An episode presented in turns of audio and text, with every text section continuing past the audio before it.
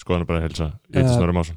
Þetta er Berður Másson, bróð minn. Góðan og blæsaðan daginn. Góðan að blessan daginn um, og gleðilegan verkalýsdag Já, gleðilegan baráttu dag verkalýsins fyrsti mæ uh, Þú slímuði maður átt uh, afmæli. Herðu, já, ég á Fyrsta ammæli í dag ég er náttúrulega við erum að taka upp daginn fyrir þannig ég á ekki ammæli í dag. Nei, þannig ég er ekki með nei. Uh, í dag en á morgun Mhm. þegar þið er að hlusta á það þá verð ég með hana. Og orðin þú- 23 ára Óbærilegt afmælis aldur uh, þunglindi Já, en ég held að þetta sé allt í lagi og, og það er fínt að eldast. Uh, Það er fucking veistla eldast. Ég get ekki beðið eftir að verða 36, Nei, nei. 7 ára. Það er gott sko. Uh, Það er lasin þáttur í dag. Þetta er svona í fyrst skipti í nokkuð tíma sem ég er mjög hafmyggisamur og glaður með að vera presentar hérna fyrir ykkur þátt. Þetta er, Af því að þetta er svona aðeins nýtt fyrirkomulega við sem mættum í stúdíóið og því að taka viðtal. Við vorum að taka viðtal og við erum að fara að sína ykkur það bara eftir smá. Af því að það er það gott að við viljum bara negla ykkur beint, negla, Já. negla ykkur beint í það. Það er fyrsti maður og við þurfum aðeins að fara yfir fokkin stöðuna og hvernig hún er í Já, alvörinu og hvernig enginn talar um hún sé og segja smá sannleika í skoðanabæðum Já. Bara allir hafa mjög gott að hlusta á uh, þessa miklu veislu. Það er sem sagt engin önnur en Solveig Anna Jónsdóttir uh, formaður verkalýsfélagsins uh, Eblingar sem heiður á okkur með viðtali, gaf sér tíma í það. Hún stendur í ströngu þessa dagana við að já, skipalegja verkvöld þar sem þeir eru að þörf en annars bara heia mjög verðu og baráttu. Um, það er að segja að knýja á um, um einhvers konar lámarsettindi við erum ekki að tala um byltingu, við erum að tala um jú ok, byltingu á sinnhátt en af því að það er kannski sorglega staðarind að það þurfa að vera bylting að fólk fá einhver lámarsettindi sérstaklega bara uh, vinnuaflega hér á landi þar að segja þetta fólk um, ásér ekki málsvara og það finnir sér málsvara í þessari nýju stefni hjá eflingu í þessari nýju fórustu Mhm. ég held að þetta sé gott, ég held að þetta sé góðsviti það eru margir, þetta er umdelt og við ræðum það við hana. Um, þess vegna ætlum við að vinna ykkur beint í viðtalið. Smetla okkur í fucking gott viðtalið hana. og síðan tölum við um alls konar og veislu. síðan er fullt af frétta. Það er fyrsti mæði, Fullt það er góð stemning sumar er að byrja. Uh, bræðralægið er uh, sterkari nokkur sinni já, fyrir já, já, já. Um, á, en þannig við munum til því að við tökum við uh, frálsum framlögum já. í auður eða kass Mhm. í símanúmer 661 4648 annarkvæð þriðudag höldum við bræðarlagstætti þar sem við lesum upp uh, þessar auður rukkanir ykkar Mhm. Þetta er svona leið til fyrir ykkur til að taka þátt uh, í ferlinu og leið fyrir okkur til þess að græða möguleika smá klink til þess að geta borgað upp að gera hennar þátt sem Mhm. til dæmis við erum að safna fyrir lótkorti núna þannig að það væri mjög vel þegar ég myndi stiðja okkur að við auglýsum aldrei og við í rauninni vinnum ekki fyrir neginn fjármálaöfl Nei, Eh. annars er þetta bara frábær þáttur við erum að tala um mikilvægt, við erum að tala um gaurin sem að skammaði ADHD, sam, ADHD samtökin hann. við nefnum hann við, við ætlum að tala um Áslu Örnu uh, hún? Öruglega, hvað var það? hún er búin að eðilegja child, fattaverkið Já, hvað var hann að kaupa það? Vá, hvað það fyndið maður. Uh, síðan var hún líka hvað, var það eitthvað mím, hún var að kóta einhvern svona Já, fræga sagan af því, fræga já, sagan af því. fræga það því Milton Fræga Friedman því, þú þegar veist, Milton Friedman ég, ég þú veist, veit, að, veit ekki mikið þannig sé um hann skilur Nei, hann ekki, en ég veit bara hann er eitthvað svona allt rætt YouTube uh, Já, eða þú veist, hann er bara svona semi-nazi uh, Ok, ég verð að hætta að nota þetta orða því þá hætti fólk að taka, marka meir en hann er svona hæri sinnaður svona libertarian uh, bandarískur hagfræðingur skilur já, já, akkurat, sem en- hefur uh, mikið blóður á höndunum, uh, sem að mikið fólk í bandaríkinum deyr úr fátækt fræga sagan af því. Uh, að sagna því þegar við tókum viðtal við Sólu Önnu Við þetta var viðtal uh, og njóti og síðan komum við aftur inn í þessa veislu. Hver að bakinn um að sé bróðir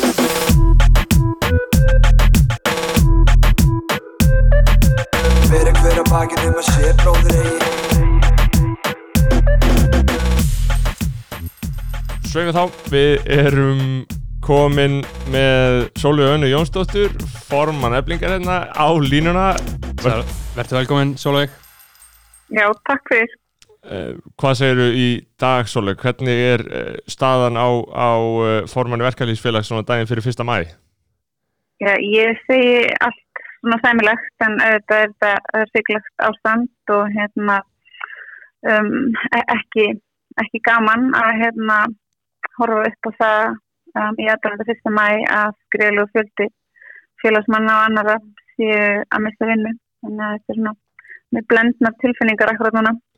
Þetta er heldur myrki tímar um, uh, er náttúrulega þessi COVID-19 vera, ég meina bara til þess að setja það í samhengi uh, heldur að þetta sé ekki að ég meina við sjáum, við sjáum svona í fjölmjölum og slíkt þá er endalist verið að segja frá fyrirtækjum og slíku sem eru að fara á hausinn en erum við ekki að sjá í rauninni miklu svartari afleðingar sem munum kannski aldrei rata í einhvers konar almennan diskurs hjá til þessu umbjóðundu þínum Já, það er náttúrulega mitt hlutverk og hlutverk félagsins og hlutverk færingarinnar að sjá til þess að afleðingarnar sem að verða í tilveru minna félagsmanna og, og vinnandi fólks í Íslandi mitt nái bara aðtiklum aðtikli fjölmiðla og þeirra sem fara með völd um, við náttúrulega um, sittum bara fram þá afdræftalösu kröfu að um, tillit verði tekið til hagsmuna vinnandi fólks á Íslandi í, í öllum þeim ákvörðunum sem eru teknar.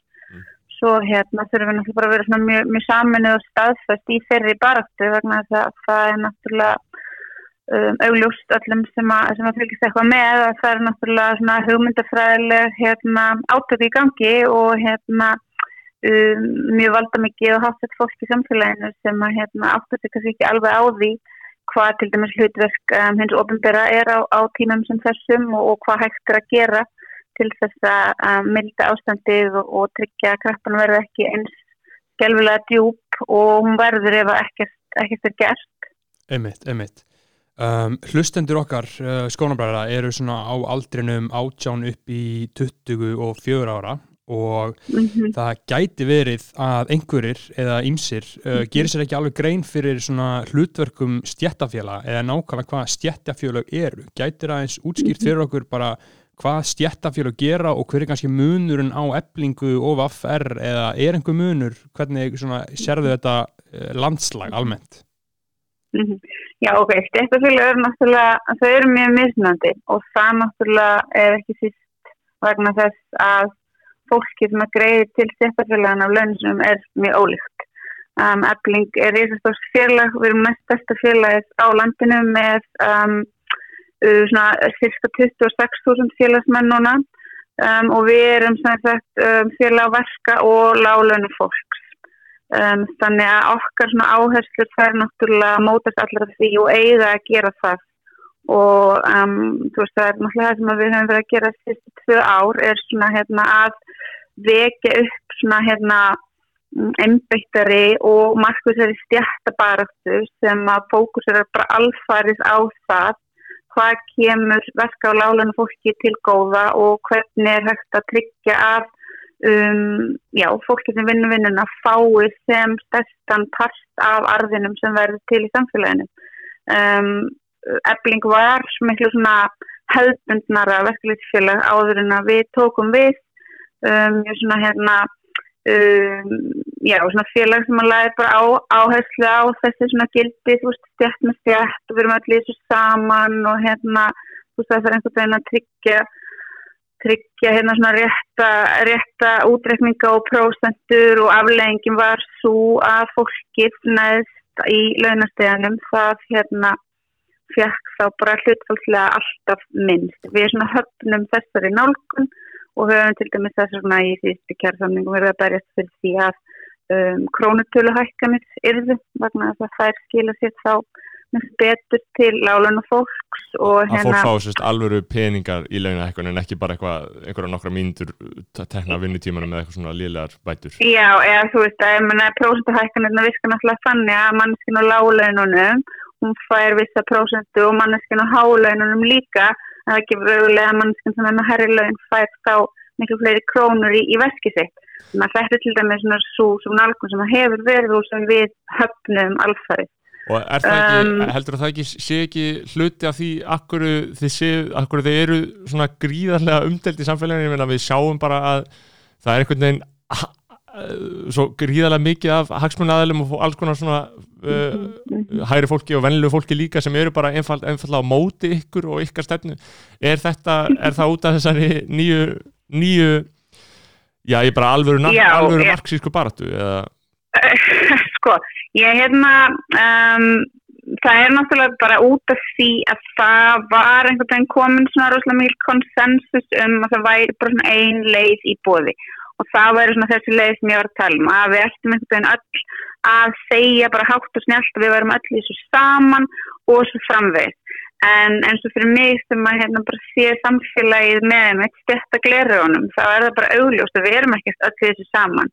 Og að hagsmunni til dæmis ennstarar um, móður á mjög lágum launum eru ekki þeir sömu og hagsmunir um, manns sem er kannski með margar miljónur á mánuðin og svo hefur það náttúrulega líka gert á síðustu árum og áratug að hér hefur flutt alveg uh, rosalega stór hópur af um, erlendu vinnaafli fólk sem að kemur hingað vegna þess að þú veist í heimalöndum þeirra er erfitt aðlun ástand og svo framvegð kemur hingað til þess að taka þátt í vinnumarkaði í þeirri trú að hér séu hlutinir svona góðir og þú veist opið og öflugt líðræði samfélag.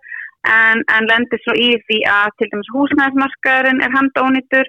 Um, stærstu partur ráðstöðunatekna er að fer í húsalegu lendir í launafjófnaði, misbyttingu og svo framvegð þannig að þetta er líka svona stór partur af því sem við sáum að að er við svona ráðast í að reyna að laga um, og höfum verið að gera það bæði svona í baráttunni okkar og líka bara inn í félaginu með því að hérna um, til dæmis fjölga stórkoslega í hópi um, þeirra starfsmanna sem að tala önnur tungumálum bara íslensku og ennsku passa að þessi alltaf bóð upp á tólkun á öllum fundum, þýða efni og, og tryggja með því að fólki sem er samanlega greiðir í félagið en er ekki íslenskt en njóti bara nákvæmlega sömu hérna, þjónustu og hafi aðganga að hérna, sama, já, sömu svona réttindum og íslenska verkefólki.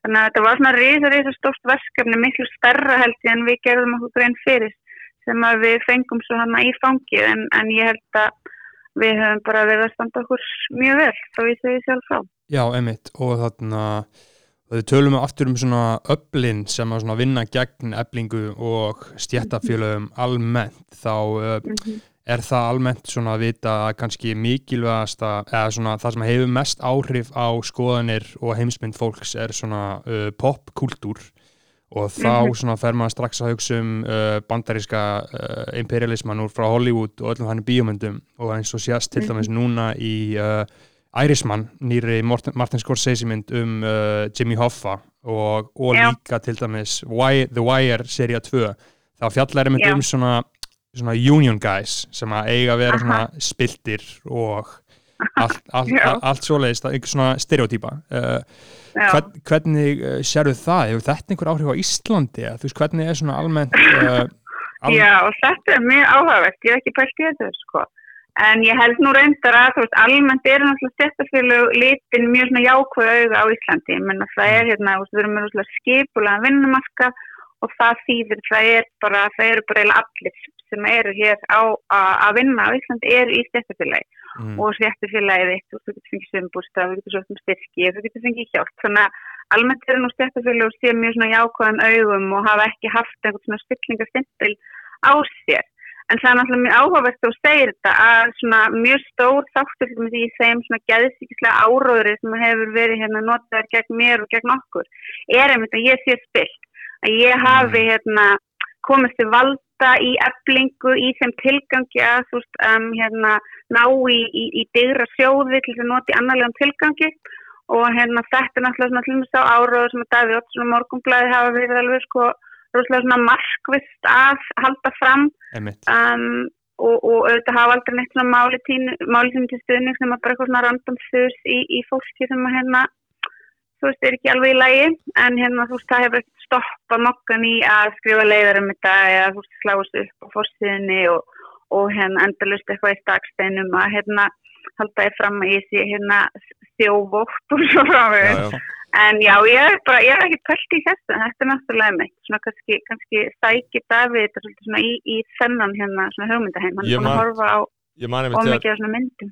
Ég man eftir að þegar einhvern mann var, ég held með þess að það hefði verið verkvall hjá Eblingu þegar voru hótelstarfsmenn hérna að, að fara í verkvall uh, hérna um árið. Já. og þá var einhvern mann viðtal við einhvern, sko, einhvern túrista sem var bara eitthvað að lappa út gauta og, og tekið viðtölu stundu bara eitthvað svona, hvað finnst ykkur um þetta, skilja, þegar þau voru hótelgestir eitthvað svona og þá sagði hann einmitt eitthvað gaur sko, eitthvað banderska banderska gaur bara já ég bara I, I support them, I'm a union guy. I've always been a union guy. Og bara ég var líka þessu og, og þá heyrði maður sko, þetta er svona, þú veist, það, í bandarækjum er bara annarkort ertu union guy eða ekki en hérna ég eru náttúrulega allir í stjættafélaginu hérna er þetta svona aðeins mildara umhverfi. Já, Um, og hérna hefur þetta verið mjög svona hérna þessi svona antagonismi sem ég trúi að þurfi að vera mjög svona sínilegur vegna þess að annars að að að, hérna, að það eiga einhvern veginn bara skilið að vera neðarlega í stíföldinu það eiga bara skilið að vera með léli laun og það sé einhvern veginn þeirra bara persónulega vandmál það eigi nokkið verið íþingja öðrum með því Mm. það er svona held ég sem mjög mikilvægt einmitt fyrir vinnandi fólk á Íslandi að þessi svona antagonismi sem er bara hérna algjörlega ég meina bara svona já, hann bara er þarna alltaf um, alveg hvort við tölum um hann eða ekki að við verðum að tala um hann og við verðum að hérna, aft okkur á honum og, er, er og draga að, upp bara svona skýra og, og sanna mynd af ástandinu? Að, að í rauninni, ég meina fjármálaöfl og, og þeir sem eh, eiga atvinnutækin, þeir munu alltaf vilja eh, að einhver önnur átök séu í fyrirrúmi eh, en hinn raunverulegu stjætt átök er það ekki bara gríðarlega mikilvægt erindi að, að hamra því inn við fólk að þetta snýst um fólki sem á annarkvort ekki neitt eða á mjög mikið. Og þetta fólk sem á mjög mikið mun alltaf reyna að verja það. Og, en ef, þetta fólk, ef þetta fólk sem á ekki neitt hefur enga forsendu til þess að til þess að uh, heia sína baráttu þá bara, þá bara getur, getur ríka fólki áfram alltaf yfir. Og, og eru stjættafélagin ekki eina leiðin til þess að raunverulega knýja á um úrbætur? Eru ekki eina leiðin hjá launafólki til þess að koma ykkur til leiðar veist, þau eru, þau eru mjög mikilvæg og við, þú veist, náttúrulega í svona löndum þar sem að, hérna, þar sem að eru ekki neinn stjættafélög og þar sem að það eru, hérna, þar, eða þar sem að hafa verið sterk stjættafélög en þau hafa, hérna, svona förnar, þá hefur fyllt því emmitt bara minkandi hlut, deild, vinnandi fólks í, hérna, arðinum sem verður til og þetta getum við séð um, í, í Breitlandi og Bandaríkjunum. Um, En, en þú veist, ég er samt ekki að skrifa alveg upp á það að þetta sem sem svona eina leiðin. Þetta er Nei. mjög mikilvæg leið Einmitt. og hérna uh, ekki bara náttúrulega til þess að um, stan- standa í baráttu, heldur líka til þess að þú veist, bara leita svona liðsinnis hvert hjá öðru og svo framvegið í, í veröld sem er þú veist, oft bara mjög svona erfið og, og, og harneskuleg en, en auðvitað eru líka aðrar leiðir færar og það er mjög mikilvægt fyrir vinnandi fólk, fyrir hérna uh, láluna fólk, fólk sem einhvern veginn á bara einhvern veginn endalust að fokka sér og, halda kæfti og halda bara fram að vinna að það bindist böndum sem að hérna ná líka veist, út fyrir, út fyrir hérna vinnustafin eða út fyrir stjættafélagi um, og um, verkalýst bara þetta svona fyrri tíma, hún var líka mjög svona menningarlega sinnu, þú veist, fólk var ekki Mm. bara að koma saman til að berja en þú veist, hlutinni snýrist líka um, um önnur mál, en auðvitað er það náttúrulega miklu erfiðara á, á tímanum sem við lifum, þar sem að fólk er náttúrulega mjög svona atomiserað og býr bara inn í inn, inn, á sínu þú veist, heimili og er bara þú veist, inn í sinni svona hérna félagsmeila veröld en þetta er líka eitthvað sem að væri mjög svona skemmtilegt að reyna að gera hér á Íslandi að vekja aftur upp einhverja svona einhverja svona löngun og getur fólk til að koma saman um, líka þegar við erum ekki veist, bara í einhverju rosalega miklu baráttu. En ég um, veit þetta ekki hvernig við gerum þetta en veist, þetta er líka alveg svona hérna draumur sem ég á mér að, hérna, að geta gert þetta. Akkurat og þarna eins og við tölum á hannum það er bara svona uh, nokkuð mikið staðrind á Íslandi að hér er uh, mikið auðvald, það er mikið svona old money í samfélaginu og Já. miljardamæringar þeir náttúrulega hugsa uh, hlutina í áratugum og gera allt sem að þeir geta til þess að hafa geta haldið auðsínum einmitt frá verkafólki og eðluðu fólki um, getur þú kannski nefnt eitthvað svona skemmtileg dæmi eða eitthvað svoleiðis um svona eh, ríkt áhrifafólk og hvernig þau eru í rauninni að uh, arðaræna og kúa meðal mannin Ég, veistu það, ég, sko, af því að ég hérna er náttúrulega í aðhyllið svona markfiska sín á verðina, þá um, fylgir því svona að vera ekki að þú persónu gera vandan, heldur að sjá þetta meira sem struktúr, þú þetta er kerfisbundi vandamál. Já, Þannig að á endanum er mér oftast um, bara mjög sama um það, þú veist, hva mannskjan kemur að hvort hún er þú veist nýrpenningar eða gamlir. Um, ég hérna pæla ekki mikið í því. Ég veist þetta er bara ég, ég valdi einhvern veginn pælt í þess ég hérna ég veit ekki hvað ég segi bara, bara, bara, bara eins og eitthvað svona já. dæmi til dæmis bara svona fjölskylda Bjarnar Ben bara senda hann í, í, í pólitíkina skilja Bjarni þú sér um pólitíkina já, og þú veist, út, er útgerðin að náttúrulega- mokkan og eit- eitthvað svona svona en ég meina ef, ef við segjum til dæmis eins og, og fjármálur á þeirra sem er sko fyrir einhvern veginn svona stilt upp eins og hann sé nú bara svona kvöstaslegur hérna kvöstaslegur um, svona maður sem að komi jú vissulega úr einhverju svona viðskipta fjölskyldu Mhm, en, en þarna erum við náttúrulega að tala um mann sem að tilheyrir um, um bara svona ættarveldi og þú veist það er eitt að vera í rekstri og eiga fyrirtæki og annar að vera sko hérna fjármagnseigandi sem er emitt eins og þú segir að ávaksta og gæta fjölskyldu auðsins. Einmitt. Þú veist það bara er allt annað og það er náttúrulega að mínu mati um, mjög undarlegt í líðræðisríki að manneskja sem að hefur svona ofsalega hérna, mikil tengsl inn í einmitt bara allt viðskipta lífið og hefur svona rosalega ríkra hagsmuna að gæta skuli eh, velja til þess að fara jafnframt með sko fjármál ríkisins. Um, Er það ekki bara- bara Er bara niðurstaða frábærlega vel hettnaðs áratuga langs áróður um að þetta sé eðlilegt og að þetta sé rétt? Jú, Og svo náttúrulega eins og þú vorst að segja, eða þið voru að segja að sko, þú veist, um, svona gaml, gamlir peningar, þeir náttúrulega, þeir hugsta hérna um, langt fram í tíman og, og þú veist, taka mið af ótrúlega mörgum hérna svona þáttum meðan að lálunumannskjan af því að hún færi umverulega útluta bara svona pingulitlum skamti um hver mánaðamót og hún þarf að láta þennan pingulitlum skamt duga í 30 daga en þá er hún náttúrulega algjörlega heldtekin af því að vera alltaf að hugsa veist um einhverja þúsund kalla og 500 kalla og, og veist henni er umverulega haldið í svona, já, bara ánauð, ánauð hérna uh, svona lau, launakerfisins. Mhm, og, og þessi ánauð og þessi hérna mikla orka sem að manneskjan bara tilneitt situr í þetta, hún gera líka verkum að það er mjög erfitt að vera fókusur á aðra hluti þegar þú kemur heim, þú ert kannski búin að vera í tveimur vinnum og þú fyrst að sinna fjölskyldinu og börnunum, það er lítil orka eftir á kvöldin þess að fara eitthvað að, að lesa eða, eða rannsaka um, þú veist, og gera það sem að náttúrulega fólk þarf að gera ef það ætlar að átta sig á einmitt. Þess vegna er náttúrulega svo ofsalega mikilvægt að við hjálpum svo all að í því. Að við séum með sterk verkleitsfélag að við séum með fóristu sem er þá á launum við það að leiða baráttuna og á launum við það að greina ástandið og gerir það bara einmitt mjög svona markvist og rösklega og með hérna hagsmunni síns fólki í fyrirrúmi.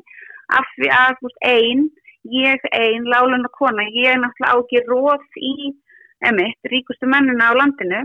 Um, en ef ég og félaga mínir um, komum saman þú veist, 1000, 2000 hvað, hvað þá 26.000 þá, þá eigum við svona fighting chance einmitt. Þá getum við svona hérna púljað allir orkunni okkar og hérna getunni okkar saman og orðið mjög svona formidable bara hérna anstæðingur og það er náttúrulega það sem að gera það verkum að þau eru að fríka út konstantli er vegna þess að þau sjá að við erum orðin mjög svona hérna já bara öflugur anstæðingur og það um, þú veist að býta ekki á okkur þessi svona hefnundinu meður þú veist þessi svona hérna ófræðingar herferðirnar og áróðurinn þú veist bara hafa ekki, ekki áhrif.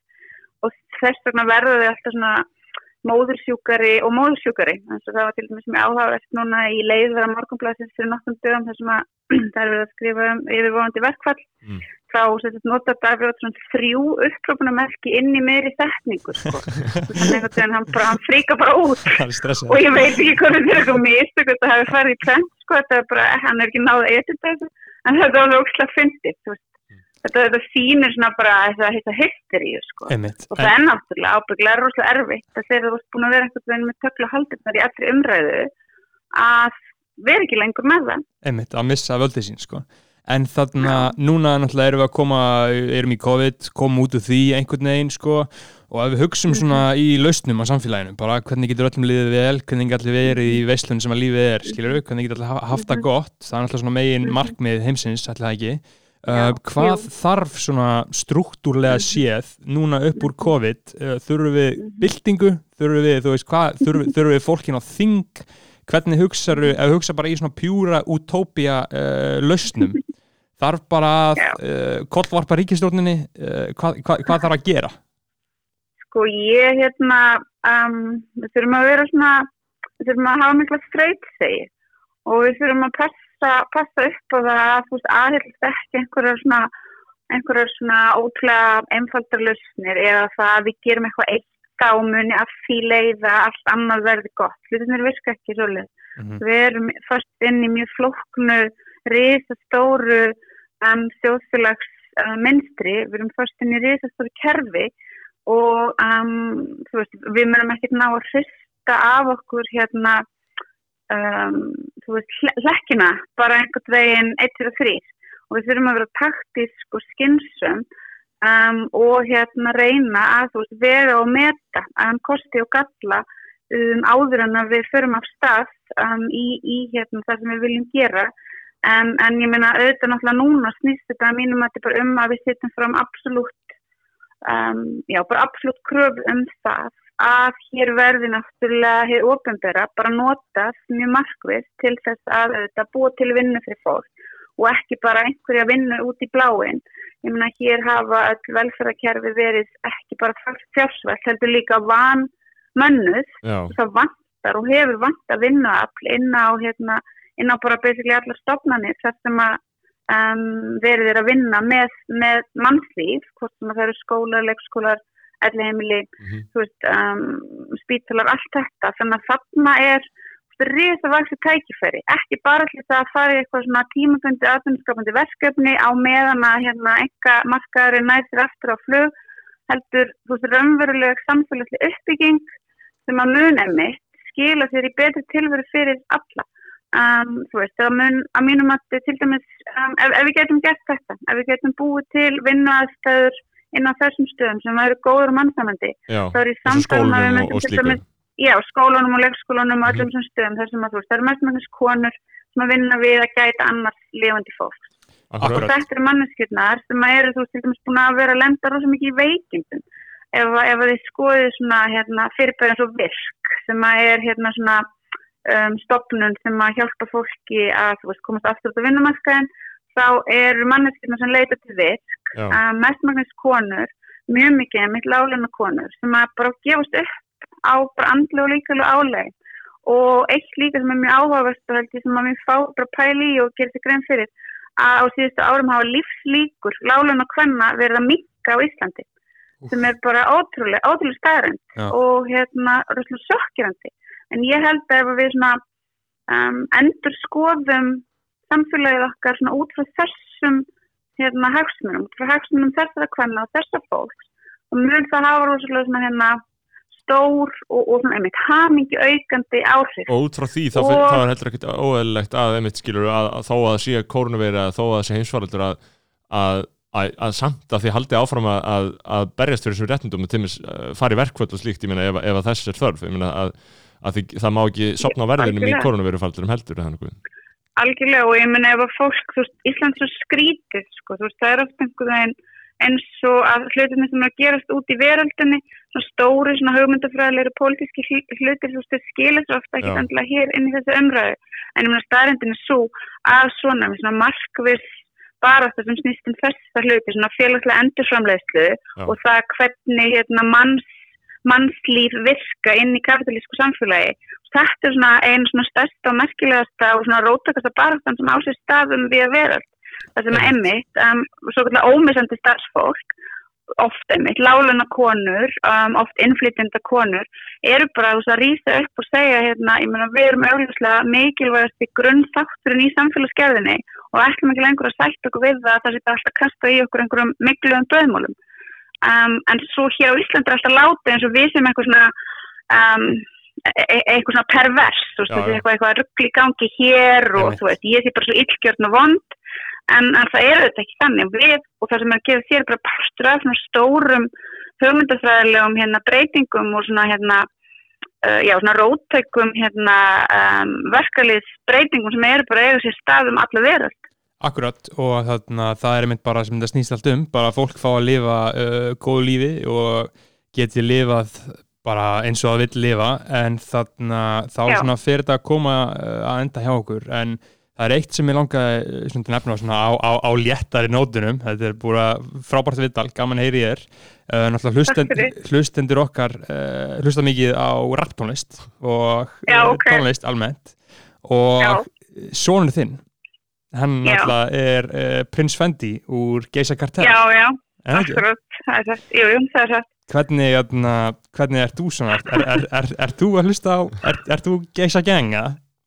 Eh, sko, ég hlusta bara allt mögulegt og hérna, ég hef hlusta á hann og þá, um, en ef að hérna, nú, nú, nú, þú veist, það er svona tækifæri til þess að ætla að plugga minni hérna mínum kommuníska um, tónlistasmæk og það er þess að um, maður bandaríkjumæður sem heitir Boots Riley sem er hérna mikil marxisti og rappari og um, er um hljómsveit sem heitir The Coup. Og um, þú veist sem er bara ótrúlega skemmtileg og frábær hljómsveit og hann er bara ekki snillingur hann, það kom út bíómynd um, eftir hann og fjölaðans fyrir Mhm. kannski svona tveimur árum og sem bíópartís Sorry to bother you hétum mjög skemmtileg og um, eitt mjög svona hérna fyndin og sniðu gaggrinni á kapitalist samfélag. Akkurat. þannig að hérna ég bara hvet ykkur og ykkur til þess að finna Boots Riley og og- og hlusta. Og fl- fleiri kommunista rapparar, þú veist, Tupac, hann var svona nokkuð svona kommunista, pu- pu- pu- Public Enemy, Immortal Technique, J Electronica, Mos Def, Talib Kweli, ég, er með Já, emmi, Most Def og Talib, mér, mér þóttinn sem er rosalega vænt um það og ég Já. voru miklu vinni minn Ég vona líka að, að, að svonum takki við sér og þeir fari að framlega bara sjálfur smá kommunistir app og það er heldur fallegt Já, sko. það væri mjög töff, Já. það væri mjög töff. um, Algjörlega, Við heyrðu, þetta á kvartningu til þeirra um að, um að um, taka þátt í að knisetja kapitalismann um, Já, já, akkurat. mér finnst bara frábært að heyri mér finnst svo gaman að fá smá einsinn inn í, inn í eitthvað baráttu, ég meina þú, það, það mæðir á ykkur þegar það fari, vona, þegar það fari verkföll ef það tekst ekki að semja um, akkurat. Nú síðast var bara þannig að maður reyni að slúta þessu en það var bara svo fyndið að í gær var eh, sett batn í sjónvarsverðnar sem sagðist ekki vilja já. um, stórförðulegt og maður, svo sem það er, maður eiginlega vill ekki kommenta á það sko, það Já, er sko, það sem er náttúrulega við það er sko, brefi sem ég fekk frá umbúsmanni Batna. Já, En það er ótrúlegt, sko, ég var bara rosalega sjokkirð og, og þegar ég lesta bref þá er ég bara trúið ekki mínum einn augum hvernig, hvernig þeirri mannski getur dottið til hug að stilla upp vissulega mjög mikilvæg réttindi batna til þess að hafa rými og pláss til þess að tjá sig og, og þú Mm. veist, hafa áhrif á ákvörnatöku. Ég sannlega myndi aldrei, aldrei gera lítið úr þeim rétti. En ég meina þannig erum við að fjalla um graf alvarlegt mál, við erum að fjalla um lífsafkomu um lagslaunaðasta fólksins á íslensku vinnumarkaði Já. sem að hefur 90% þeirra sem tókur þátt og það tókur sko 65% þátt í atkvæðagreiflunni sem er okkur bara eitthvað met 90% þegar já við því að fara í, í verkfall og ég meina það er bara eitthvað sem að er bara lögvarin og stjórnarskrafvarin um, réttur uh, þessar fólks og það er ekki hægt að leifa sér að fara eitthvað að potast í því og þetta er að mínum aftur, ég ætla bara að segja þetta og þetta er bara andur andlegt ofbildið gagvast þessum konum og þessu fólki. Já. Það er ekki hægt að leifa sér þetta og fólk þarf bara aðeins að fara að reyna að setja sér sjálft einhver mörg í því hvað er hægt að gera og hvað er ekki hægt að gera. einmitt. Já, það eru, það eru enn betri lokavarð Já, þetta er frábært. Þetta- Þetta er mjög gaman að heyri þér og gangu vel með þetta Já, Já, kæra þakkir. og um, áfram áfram því, segi ég bara já maður, Takk bara fyrir. lengi lifi. Ok. Takk fyrir þetta. Bye. Takk kærlega. Ok, bye, bye. Fyrir hver að bakinn um að sé bróðir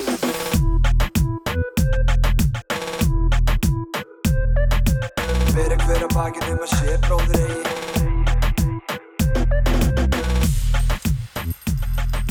Já, ég er að segja, epist, epist, epist, epist viðtal, það er djöfullig gaman að heyra frá sannleika þannig að við og við Einmitt, þetta, þetta var snilt. Uh, Já.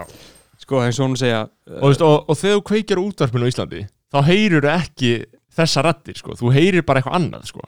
uh, já, þess vegna er svona, svo mikilvægt að við séum með sko, þúsund manna á títisaldurinn sem hlusta endrum og eins á eitthvað satt sko. einmitt, og það sem ég finnst líka áhvert er hvort að fólk muni hlusta, Fa að því að ég, man, ég, hug, ég hugsa um sjálf mig mm þegar ég var 19 ára, skilur. já, Og ég myndi heyra viðtal við eitthvað stjættafélag, Ég myndi bara fast forward, sko. já sko, Eða ég myndi bara ekki... en ég held að mörgum hafi verið komið í skilning með þessu viðtali um, um mikilvægi þessa, skilur Já, já, Eh, ég, ég, vona ef ef þið hlusta, að ég, ég, ég Já, hugsa já. strax bara, ég 19 ára gún á preikinu, skilur ég, En sko Goons, gaur, það er svo mikilvægt að Goons fatti að uh, þó að Haldur Benjamin sem fyndir á Twitter þá er hann ekki þá sá átt að vera með í liði, skilur hann er ekki fyndin á Twitter. Mér finnst hann fyndir, hann er ógeðslega fyndir á Twitter, sko. Nei, uh, Hefur þú séð Kaupþing tweetið, Kaupþinging tweetið hans, það er hvað sagði tweet, sko bara eitthvað, hann er bara absurdisti, skilur, hann er listamæður, skilur en hann er bara að vinna fyrir þessu öll, sko, ég hef trú á því að á, bakvið mannin, Haldur Benjamin, það býr mjög fyndin maður, sko, mm. en, en hann sé einhver lúmsku king. Já, hann er það, sko, það liggur alveg fyrir Mhm. til gamli pislar á- frá hann á deglunni sem ég hef mælt Mhm. með og fólk getur fundið á deglunni það sem hann er að skjöfa frekar að finna hluti. En hann er auðvitað bara að, að búa til eitthvað feril skilur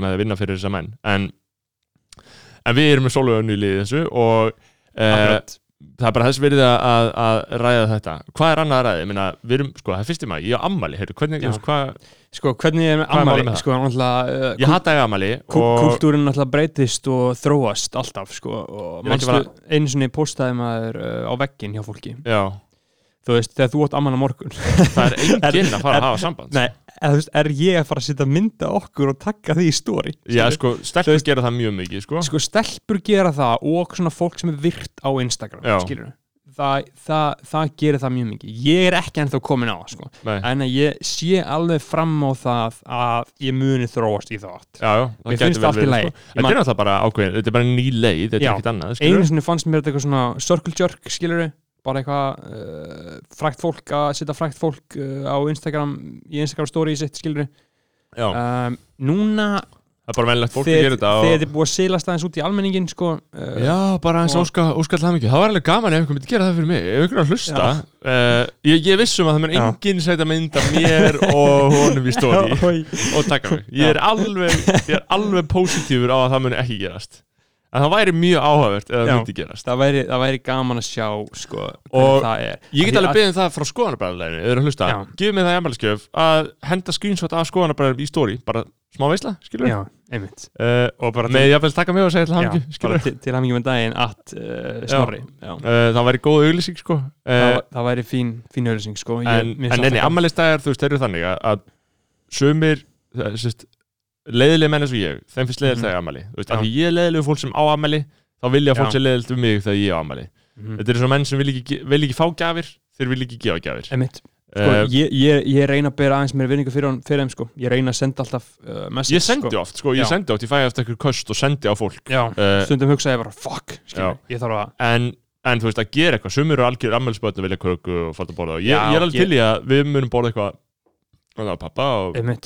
ég, Já, já, þetta er, líka, bara mismunandi veist, ég óska fólki mismunandi til hamingum daginn eftir hvernig það er, skilur já, af því að þú veist, maður á mismunandi sambönd við fólk. Mm, og til dæmis ef þetta var einhver vinur minn sem að myndi alltaf sína sem að sýnir alltaf geða mikla ást, skilur segir sem svo, þú veist uh, ennum dæmi, til dæmis maður bara, maður bara tala við flóna, skilur bara, og hann bara segja alltaf ég elska þig, skilur og maður myndi óska honum aðeins betur til hamingjum amalið ég er samanlega en til dæmis þér. Já. já, ég á það ekki skilið Nei. sko. út af því að þú veist að við sýnum aldrei neitt kærleik til góðs annars sem er bara basic skilur já, já, bræður. Já, já, það er skrítið bræður eru mjög það, það er fucking skrítið sko. Mm, en þannig að en síðan er þannig tölum við aftur bara um flóna skilur þú Mm. ert bara eitthvað ringi, ringi breyna, hei flóna við fyrir utan. Ok maður er komið út í elski ykkur. Já, já, svo kissir maður hann á munni þegar maður hittir hann og þetta er, þetta er mér finnst þetta alltaf jafn áverð það er bara ólík samskipti og ólíka menn sko. hvað, hvað maður tala líka um mismöndi hluti við mismöndi menn já. Um, eins og maður talar um þú veist uh, en ég held að á maður einhverja vini sem maður ringir í þegar maður er uh, líður illa skilur, einhverja sem maður ringir í þú veist þegar maður uh, vil ræða kvennamál skilur, sko ég held að ég held að við séum að sé engin lígi að karlmenn séu orðið töluvert skárið en þið voru sko, ég mynda bara kynnslóð kynnslóðuna kannski búmerana skilur Já. búmerarnir voru, þú veist, ég held að það hafi verið margir alveg svakalega bældir sko. ógeðslega bæ og við erum náttúrulega bældir. Ég er alveg bældur, ég er já, alveg já, ger bældur að einhver leiti en samt skilur það er svona það er til mjög mikið bældari eldri karlmenn en við erum sko. já, já, um, og jafnvel kannski einhverju okkar aldrei en ég held samt að, að nokkurum umbótum hafi verið komið til leiðar í þessum efnum sko. um, já, fólk er uh, fólk gaur, verða- gaurar er ekki að gauðra sé að verða skárri sko. Uh, á, á saman tíma og gælur að vera skeggjari þeim eru að vaksa skeggið sko. Eh, Instagram er fucking doing damage Já, sko. Instagram er að örfa skeggvöxtin Og Instagram er bara búið að gera allar stelpur og konur bara yfir En gaurar líka, náttúrulega- já, gaura líka já, já. en ég held En þeir eru búin að það, það, það Instagram er búið að jafna Já. svo það er bara útjafnun skeggsins sko. það er bara eh, pyrrandi, þú veist, ég er ekki með jafn svona greiðan aðgang inn, inn í samfélag kvenna Nei, og samfélag kalla Nei, nei, mitt þú veist, ég veit aldrei almennilega ég fæ aldrei alveg svona djúpa einsýn í hvernig það er að vera kona skilur, Mm. út af því að bara eh, ég umgengst, skilur Já, já, ratioið kannski fyrir hverja tíu kallmenn sem umgengst það var einn kona mm. Sko, hvað vorum við annars að tala um? Við vorum ætluðum að ræða í þættum í dag, það er ímislega sem við ætlum að ræða. Uh, Sko, þannig að ég nefni það þarna, við nefndum, við nefndum hérna rétt uh, við nefndum hérna rétt áðan í viðtalinu við Solvu, Mar- nei, Solvu um, önnu að um, að þessi stelpa hefði, ég veit ekki hvort þú hefði séð það en á stöð 2 í gær, þannig ég útskæði fyrir þér líka beggi. Já, á stöð 2 í gær, þá var bara einhver 14 ára stelpa í skóla í Kópavogi mm í viðtali við mainstream, eða lamestream media, stöðtöðu liberal Stöð tvö, media. Já, lamestream media. Já. í viðtali við þau. Og þar var hún að segja bara um, ég hef réttindi til þess að fara til náms. Ég er ekki búin að vera í skólanum í lang, langa tíma og mér finnst hvað er hún gömul. 14 ára. Já, mér finnst óbáðulegt að þetta fólk sé að fara í verkfall þannig að við komumst ekki í skólan og ég hugsaði, og tvö bara já, þau bara hvað, svo, þú veist, ebling. Og þú veist, hugsaði þess hvað er að gerast þannig þetta er einhver stelpa sem á væntalega bara einhverja hvíta ríka góða fóröldra mm sem fer í viðtal við aðal fréttastöðuna segir að þetta sé óbáðulegt að lálauna konur berjist fyrir réttin sínum af því að hún hún á að fá að fara í skólan skilur, það er það sem er að gerast það og það er það sem allir eru bara úúú, váka þessi stelpa er sterk. Eitthvað, þessi bara, ok, fyrsta leið, þessi stelpa er fucking nörd og lame lúsar að vilja fara í, ok, oh, sorry. Og ég vil ekki að svíra þessa stelpa en ég segi, skilur, þú mátt ekki tjóka að fara, vilja fara í skóla skilur, Þú- mátt Ég- ekki vilja fara í skóla. Og ég, og ég, ég álasa henni ekki, Nei, nei, ég er bara skrítið að stöð tvö skuli já, en heldur að sé heldur að stöð 2 sé að hugsa það, það djúft um þetta. Um, ég hel- held að stöð tvö hel- segi, hel- hugsi, hérna erum við góða sögu. Hérna erum við góða sögu og þetta er, er frétt skilur, þetta er alveg, og fólk hefur áhugað þessu. Þau hugsa, við erum hérna með góða sögu, en þau hugsa ekki þau hugsa lagi- ekki hvað áhrif þetta hefur. Eftir, í eða, þú veist, öllum öðrum tilvikum er mjög mikið aðtúað, ok, hvaða dagskávaldi ætlum við að gefa þessu batni en þarna er augljóslega ákveð að gera það. Skilur hvað við, Mhm. til þess að bassa verkfallsfólk.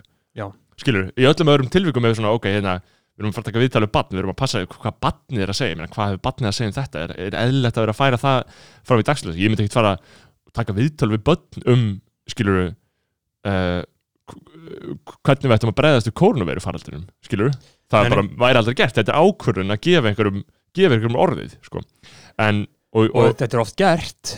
Þú veist, það var epic að uh, rosalega ungir framsóknumenn skilur nei, og, veist, og þetta er oft fyndið, skilur, en það er bara svo leiðileg skoðun. Ég hefði Já. frekar vilja bara bann segja bara, já, ég er úksla til í verkvall Já. þá þurfum við ekki að fara í skólan, en ekki það, ég held að bann vilji fara í skólan núna út af þessu kórnubulli, sko um, ég held að flesti vilja þetta uh, hafa eitthvað að gera En sko. getur það samt verið að börn vilji fara í skólan? Er það, þú veist, ef maður væri í þessu ég, Þú veist, maður, þegar við vorum í verkfallum hérna fórum dag, þá vildi maður ekkert fara aftur í skólan sko. nei, alls ekki sko. ekki alveg, þú veist, jú, það er kannski fucking sakka að vera heima ef fóröldrarnir eru líka heima. Þú veist, það er bara næs ef þú ert einn heima. Já, sérstaklega út gamer sko. Já. og flestir eru gamers. Ef þú ert gamer, þá er þetta geðveitt að vera einn heima Þú og bara bara að gast ekki verið rólur nema að varst einn heima já, og það var bara svo mikið gegn tónleikaspilun sem bara átti rétt á sér og ég er Mjög þakklát- eðlilegt þakk- og- þakk- þakkláttur fyrir það í Og dag ætti sko. ennþá að vera við þáttinn á öllum heimilum það sem eru mikið, mikið tónleikaspilun sko, því að þetta bara Þetta er stór hættulegt, þetta er bara Já. stór hættulegt um, og... Og því að ég man eftir, þú veist, maður var í World of Warcraft skilu, Mhm. líf manns þar var mikilvægara Já, en alveg lífið skilu Já, og, og Bara stundum var skrítið að koma í alveg lífi og hugsa, já, þetta er líka til.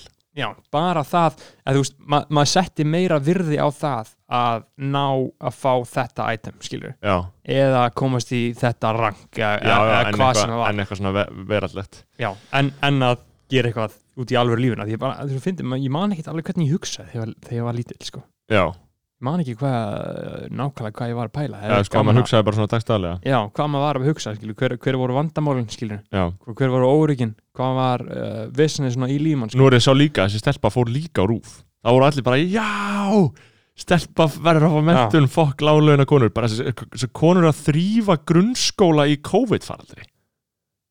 Að þrýfa grunnskóla í COVID-faraldri Skilur, þetta er bara lífshættulegt. Þetta er bara erlend vinna Bara sjálfsagt að knýja á um einhver lámarskar Ég veit alveg heimsfaraldri en Þetta er bara bú, smá fucking respektina En herri, ég er að reyna að finna þetta með uh, uh, fjársökamannin í ADHD þú, þú nefndir þetta fremst við verðum að þetta var svo fyndið, við vorum að hlusta þetta við vorum að keira, við vorum fjallgöngu gæri og bróðum og, já, Og- og, þetta kom í útvarpinu. Og þetta kom í útverfinu það er svo gaman þegar frétti komum og þetta er það góð frétt skilur að hún fæ maður bókstað til að hlæja og, og þetta er sem sagt bara þú veist, hann var um, sem sagt, maður sem var dæmdur uh, fyrir að hafa dreigið sér fjö úr ADHD samtökunum.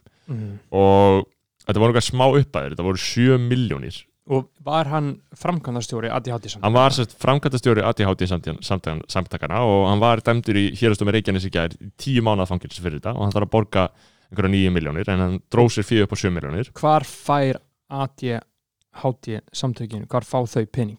Þau fá pening frá ofnbjörnum stofnunum, þau fá pening frá fjáröflunum, þau fá pening úr uh, einhvers konar starfi ég meina svona samtök eiga peninga sko þú veist, þetta er bara, það eru starfsfólkarna og svo- svona sko. Já, áhvert, ég myndi að væri til í að sjá bara bókstala millifallina, bara hvernig hvar, sækja þau um pening frá ríkinu eða, þú veist, Sko, er, það, er, það, er einhverju það, vinnu við það að sækja alveg um öruglega einhverju umsóknir, samningar þú sem þeir fá styrki og síðan eru fjárablanir uh, ég held að þetta bara reyði sig á hvort tvekja en engu á síðu þá er ekki mjög fallegt að draga þessi fjögur og hann var framgætt að stjóra sátakana en, og hann var sérst aðna fundin segur um að hafa dreigið sér rúmar 7 miljónir á tímabilinu 2015 til 2018 segir á vefur úf uh, og hann mun hafa notað kreditkort í eigu samtakana til að kaupa vörur og þjónust til með áskeitt á Spotify, iTunes, líka sætta stöðunni mm Reebok Fitness og þá kefti hann einnig flug og leiði bílalegu bíl með kortinu og verslaði á vefverslun vinnbúðarinnar fyrir rúmar 100.000 krónur.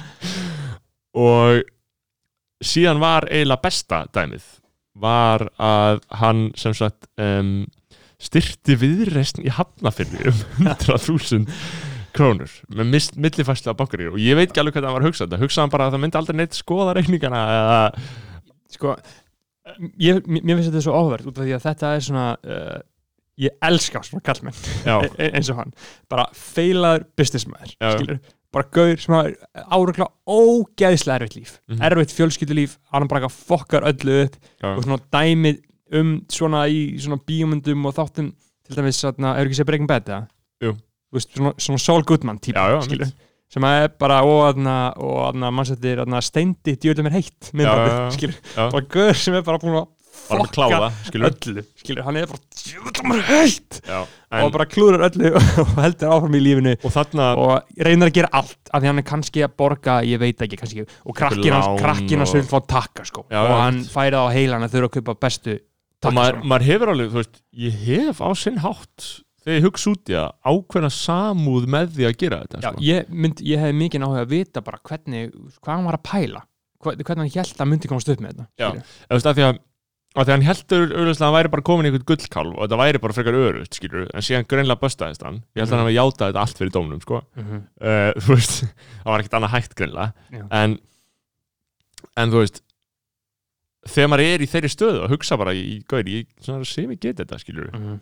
Þá held ég að þú takir þú setur litla, litlu tá onni í sundlegina Já. og svo stekkur út í Einmitt. og svo byrjar bara að borga allt í lífinu með þessu skilur þú veist, þú bara þú veist, hann byrjaði bara já ok, ég get alveg græja bara mína Spotify áskrift skilur Mm. og já já ok, ég get alveg, þú veist bara hérna, fengi mér rektar áskrift í gegnum vinnuna þetta er náttúrulega vinnutengt, ég er að vera heilbreyður og, og svona, þetta er bara styrkja viðreist í hafnafyrði Þetta- um þetta- 100.000 þetta krónur. gerist bara smátt smátt smátt smátt, smátt. og það verður bara svo ógæslega epic að þú kemst upp með þetta. Smátt og smátt, meir og meir og meir ég sé að þú komin bara einhver epík Já, eins og, og, eins og við tala um bara, þú veist, við höfum talað um áður, þú veist, þú ert að arðra hann einhvern, skilur, og það er bara ganga geðveikt vel upp, og þú ert bara eitthvað, þú veist, það er bara eitthvað push it to the limit, þú veist, undir,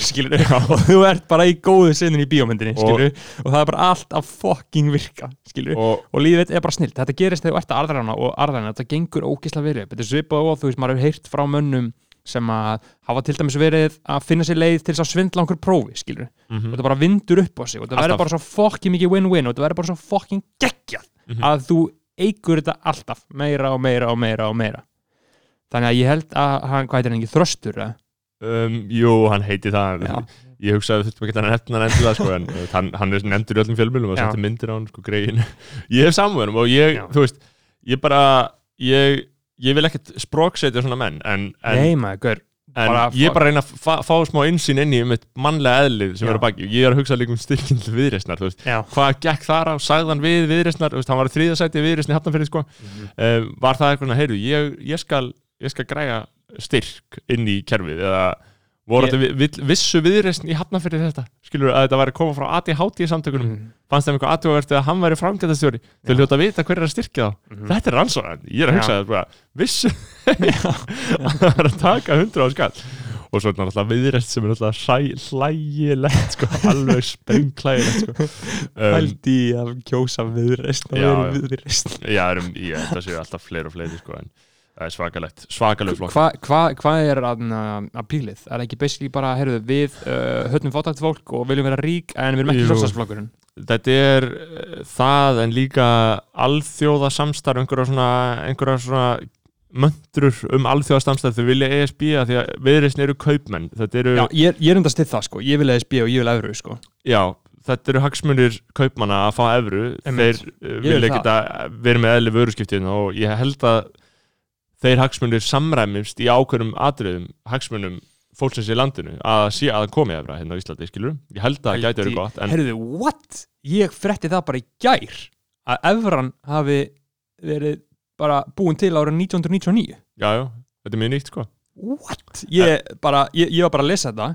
Svo bara allt hérna bara, yeah, when the euro eitthvað uh, var nei, árið nei. 1999 það var ré- rétt fyrir aldamót sko. Ég hafði bara Eh. al, wow, pælt í prósessinu sem að það hefur fokkið verið. Bara spotn, Ítalía, Þískaland þá fór þá fór Europasambandið út í það að vera bara milliríkja bandalega yfir því Já. að vera myndbandalega og þá ertu komin í sama hagkerfi skilur þannig að ef þú ert með evru ef við værum í, e- með evru þá værum við í bara sama hagkerfi og þetta fólk bara skilur já fokkin veistlega en það er náttúrulega bara margt sem það er að huga að og ég veit ekki alveg hvort þessi góð En- hugmynd ég veit það ekki sko, En- veist, það, það, það er svo gaman þegar maður er að læra eitthvað svona sagfræðilega staðreind sem ég hafði aldrei hugsað út í sko, e- sko saga Evrópusamstarfs er rosalega áhugaverð þetta, þetta brey, brey, breytir alveg hvernig ég sé einhvern veginn efruðna núna þú veist, bara þegar við byggum á Spáni árið 2002 þá var Já. bara 30 ára skilur.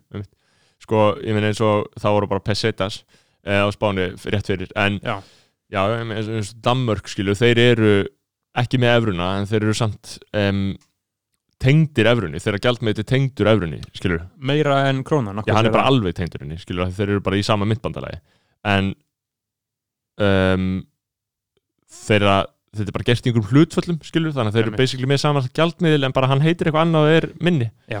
um, en já, allan ég held að sé hann Guð, Guð svipi mig Já. Sko, svo er ekki? veistu hvað danska krónan hún er orðin 21,4 En hvað er það mikið? Hvenær var það það? er ógeðslega fucking mikið sko. Já, og þetta bara, við erum að tala um sko bara fyrir, uh, fyrir COVID skilur, þá, þá var hún bara eitthvað, maður sjá hérna bara november, þá var hún átján skilur já, og bara júli fyrra átján skilur Já, já um, Þetta er orðið dýrt orðið dýrt að vera þarna, ég var líka að hugsa um þú veist, Íslandika sem vilja flytja út núna það verður örgulega minna en það, en að það eins og vorum að ræða í gær, það mun enginn fara til útlanda, það er ekkert annað það er allt hrunið allstaðar Nei. þetta er svo mikið allsherjar kreppa þetta fokkar öllum upp. Þannig að þú veist, þú getur ekki farin eitt í gamla daga það hefði kannski verið bara svona svolítið áhugavert að sjá hvað fólk myndi enda á að flytja til útlanda eða eh, reyna að finna sér framtíð einhvers þar annar staða bara en Já. hérna er bara sitja allir uppi með sama helvitis kaos. Bara fastur, ég held, En- ég held samt eftir tvö ár þá, Já, já. þá bánsum við tilbaka sko. Já, já, en þú veist, með samt óbræði mununum sko, yfir því að þetta hafi gerst og þetta geti gerst og að ekkert sé örugt til framtíðar. Já, En- ah, já, já, geta alveg verið sko. En- en ég, ég, ég held alveg að menn séu að að þetta í Já, eftir, eftir eitt ár verður menn bara komin aftur í bara, þú veist, tengi flug til Bahamas, sko. Já, já, ég held að það sé sjálfsagt en, en það er náttúrulega bólaugin fyrst og svona en þetta er líka það sem við vorum að ræða það er svo áhugavert að vandamálið, stóra vandamálið það sem er að fokka öllu svona upp er að framleiðslan geti ekki haldið áfram. Af því að kapitalism snýst um framleiðslu snýst bara um að framleiða meira og meira. Og það er það sem er hrunið af því að það er ekki eftirspurn eftir öllu draslinu. Það er ekki hægt að fljúa bara endalust lengur. Það er ekki hægt að búa til endalust að einhverju dóti og það er ekki hægt að fylla ruslahöfana endalust að einhverju bulli. Mm við fáum öll ennþá að borða. Ok, ekki öll, Flestir. en flestir er segja, það, er eru forsendur til þess að útvega næringu fyrir Íslendinga á Íslandi Mm og það væri svona kannski það helsta sem við myndum þurfa, skilur en hitt fokast upp. Og það er framleiðslan. Bara endalaust, aldrei hætta, setja haugana bara fylla ruslahaugana fylla, fylla ruslahauga af framleiðslu. Bara kerfið okkar byggir á því að fylla ruslahauga af Áf- Áfram, áfram, áfram, áfram, áfram, og það er það sem er að stoppa, það er það sem við erum að hugsa bara af hverju er bókstala allt hrunið þetta af því við getum ekki lengur verið að gera þetta. Mm. af því að það einhverja keðjur hrundu skilur og ég held að það sé bara svolítið svakalega uppgötun skilur, að fatta bara, já ok það fær allt í fokk ef við höldum ekki áfram. Þann lausri vinnu Já, lausri ég meina, en framleiðslu, þú veist, það er alveg skilur alveg aðlaðast Það er einhvern veginn núna með nýju lífi, nýju skipulagi. Einmitt, núna er bara tíminn einmitt til þess að uh, aðlast eins og maður spurði hérna Sólveig Önnu um áðan sko. Já, hvernig er þetta að rísa upp úr þessu bara uh, og það verður allt bara basic sko. Hann var með hérna góðan uh, pistil um að Þóra Snær á kjarnanum hérna, eitthvað við erum ekki öll í þessu saman. Nei, nei, mitt og það verður rátt að segja því, sko. Já. Við erum náttúrulega, við erum náttúrulega orðnir kommunistalavarp, við þurfum að, að gæta okkur, við erum náttúrulega ennþá með öllum í liði hérna og uh, ég er að hugsa um hlustendur skilu, ég, veist, uh, vona að einhverju fucking heimskingjar mm. uh, miskilji ekki það sem við erum að segja, við erum ekki að, þú veist, eða það sem ég segi bara almennt, skilur, auðvitað er ég algjörlega, ber ég 100% virðingu fyrir þeim sem bara eigum sárt að binda núna vegna einhvers efnahagsfruns, skilur Já, er ekki- fó- fólk einhver rekstri, já maður Já, ég er að segja eitthvað svona slíkt, skilur og Mhm. ég veit alveg bara að litli maðurinn er bara að reyna hérna að búa sér til afkoma á Íslandi Það er bara munur á því að vera bara í atvinnurekstri sem er góðu fyrir samfélagið Já. og að vera í atvinnurekstri sem er bókstallega arðarán og slæmur fyrir samfélagið. Já, já, Dæmi um atvinnurekstri sem er bara frábær. Uh, þetta hérna sem við erum að gera hér, 101, skilur. Bara reyka eitthvað stúdíó, reyka eitthvað uh, production fyrirtæki og einhvern fjölmiðil, bara Einmitt. fucking veistla, þetta bara bæ, bæti samfélagið. já, búa til efni Já, bara húra Reykjavík, þú veist, allt, allt þetta dót sem Já, hel, hel, heldur þessu smátt smátt uppi, Brynja á laugavi, bara einhver veistlu búð sem að selja einhver nöðsynni, Og síðan eru juice Já, segir mér samt, En þú veist það- bara eðli fucking búð, Ég er bara að segja bara Ég, ég er ekkert að setja vannverðing á það, Ég er bara eitthvað en En þú ég, ég er, bara að tala um bara mm, að, að í, í okkar pól eina sem ég er að segja er að í okkar pólitík Mm. þegar við rekum okkar landsmál þá þurfum við að vera að gætt að því að fólk getur lifa sómasamlegu lífi. En ekki að við byggjum kerfin okkar að því að ef að þú ert með 100 manns í vinnu sem fá allt á lág laun og geta enga veginn barist gegn því og þú ert að græða ógeðslega mikinn pening þá ert þú að græða ógeðslega mikinn pening mm. af því að þú ert að aðrana fólkið. Ekki, það er ekki eitthvað sem þú gerir líka heldur Mhm. ertu að græða peningin af því að skilur, og af þeirri einu ástæðu að þú ert að gera líf þessara manna, manneskja óbærilegt, ert þú að hagnast svona mjög. Það er kapitalið.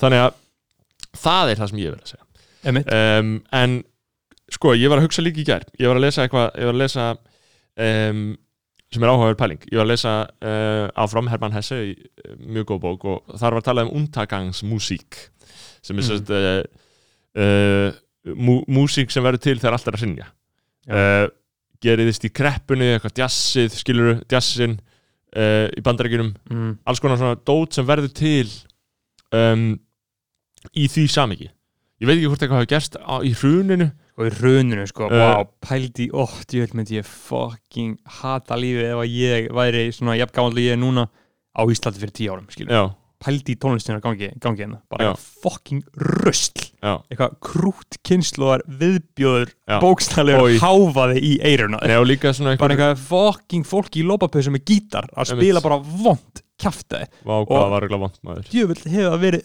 ömurlegt að vera bara hip-hop í gegn á Já. þessum tíma þá þú varst þá ákveðin eiga sko. þú, þú varst bara einn í, líf, einn í heiminum sko. því hvernig hefur verið fyrir menn sem voru að halda þessu sönnu. Bara svona, þú veist, 2008, 2009 Já. það var að tala um bara Jarlinn, skilur Jarlinn var að halda þessu sönnu, skilur, hann var bara boom bap í gegn þannig, MC Gauti Dóri DNA, okkar maður, Danny Deluxe skilur, já, já. þetta er bara menn sem verið hip-hop og pældi í því hvernig það hefur verið. Hvernig að er í heldur þetta geti þróast hvernig heldur þetta geti þróast núna? Ég meina hvernig sko, uh, rapparar á Íslandi, hvað gæti þeir farið að, að uh, ég, mín teóri er svo að ekkert muni breytast eða þetta muni, jú, jú, þetta. Jú, skilar þetta sér alltaf inn í efnahagsástand, mun alltaf skilja sér í þú getur ekki lengur tala, eða þú þú getur ekki lengur lifa hátt, þeir Já. get ekki lifa hátt ég meina rapparar get ekki lifa hátt á Íslandi það, það er ekki selur að koma inn sko.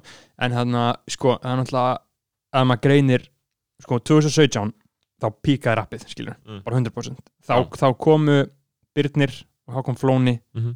og hann var Joy Cypher, skilur þetta bara Já. píkaði rapp í vinsældum já, sem var í 2017 var Já. innlátt já. já, já, svona, hau, svona hausti hausti, 2017 við erum að tala um já ég veit, já, skilur ég man bara því að Já. sæferin var um Já. sömari Cypherin var í gangi, skilur Mhm. og síðan bara kom já ég veit og síðan kom Flóni, skilur uh, og þetta var bara ógeðslega vinsæld, geð mikið pláss, bara hver sem er hefði getað að byrja að gera sitt já. sitt, sitt dæmi, bara fullt að einhverju veistli í gangi. Nema sér liðlegur, skilur já, nema sér liðlegur, þú veist allt bara að vera góður og, Já.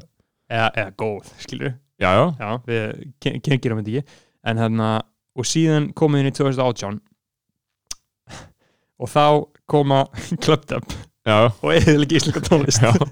Þú veist, þá ja, það var alltaf, þú veist, það var búið að leggja svona groundworkið að, man að, að, að, þeirri eðlengingu já, með einhverju teknolímixum Já.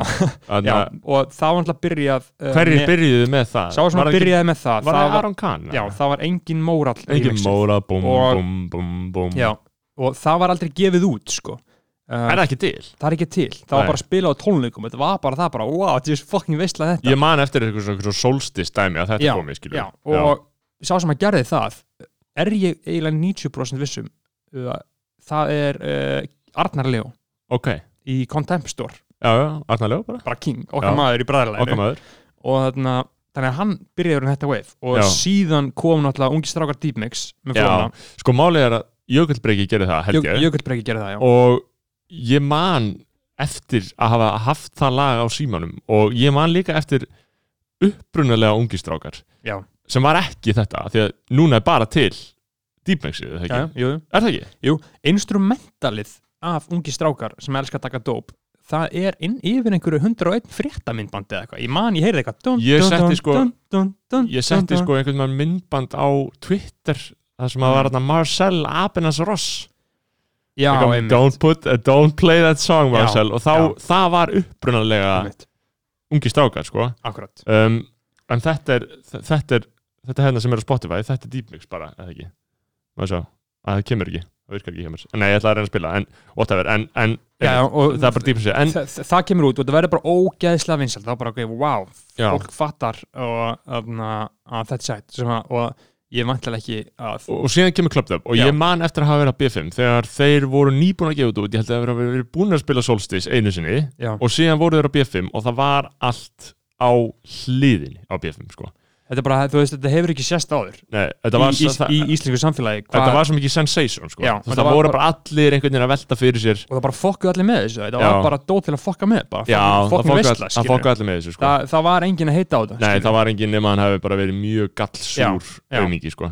Um, og þá kemur hann að klopta sumarið 2018 já, skilur.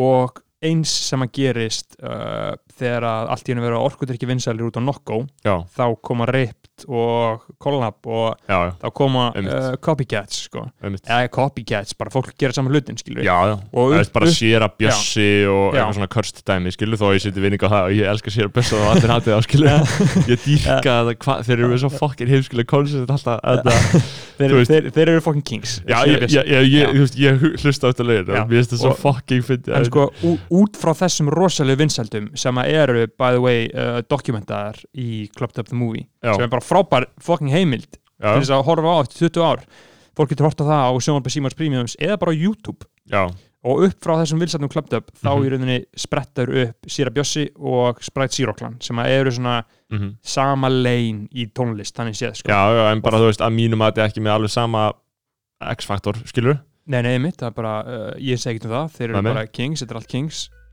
Hvað, hvað er að spila hérna? er þetta sér að bjössi?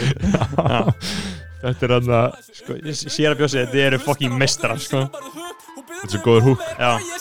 Kanski næsta lífi aumingi Þú myndir ekki skila hvað sem gæla er heit. Rassin er stinnur og titsin eru feik Barinn Og fyrtnar og nota mikið meir Svo er sko Þarna húkin í þessu er Er allir strákar eru held ég dicks Þetta er eitthvað með já, eigin Þegar þetta lag kemur á B5, hefur þú séð það? Nei, vá. Pældi, sko, sjálfstæðis goons Sjáðu byrju þetta hérna. Já.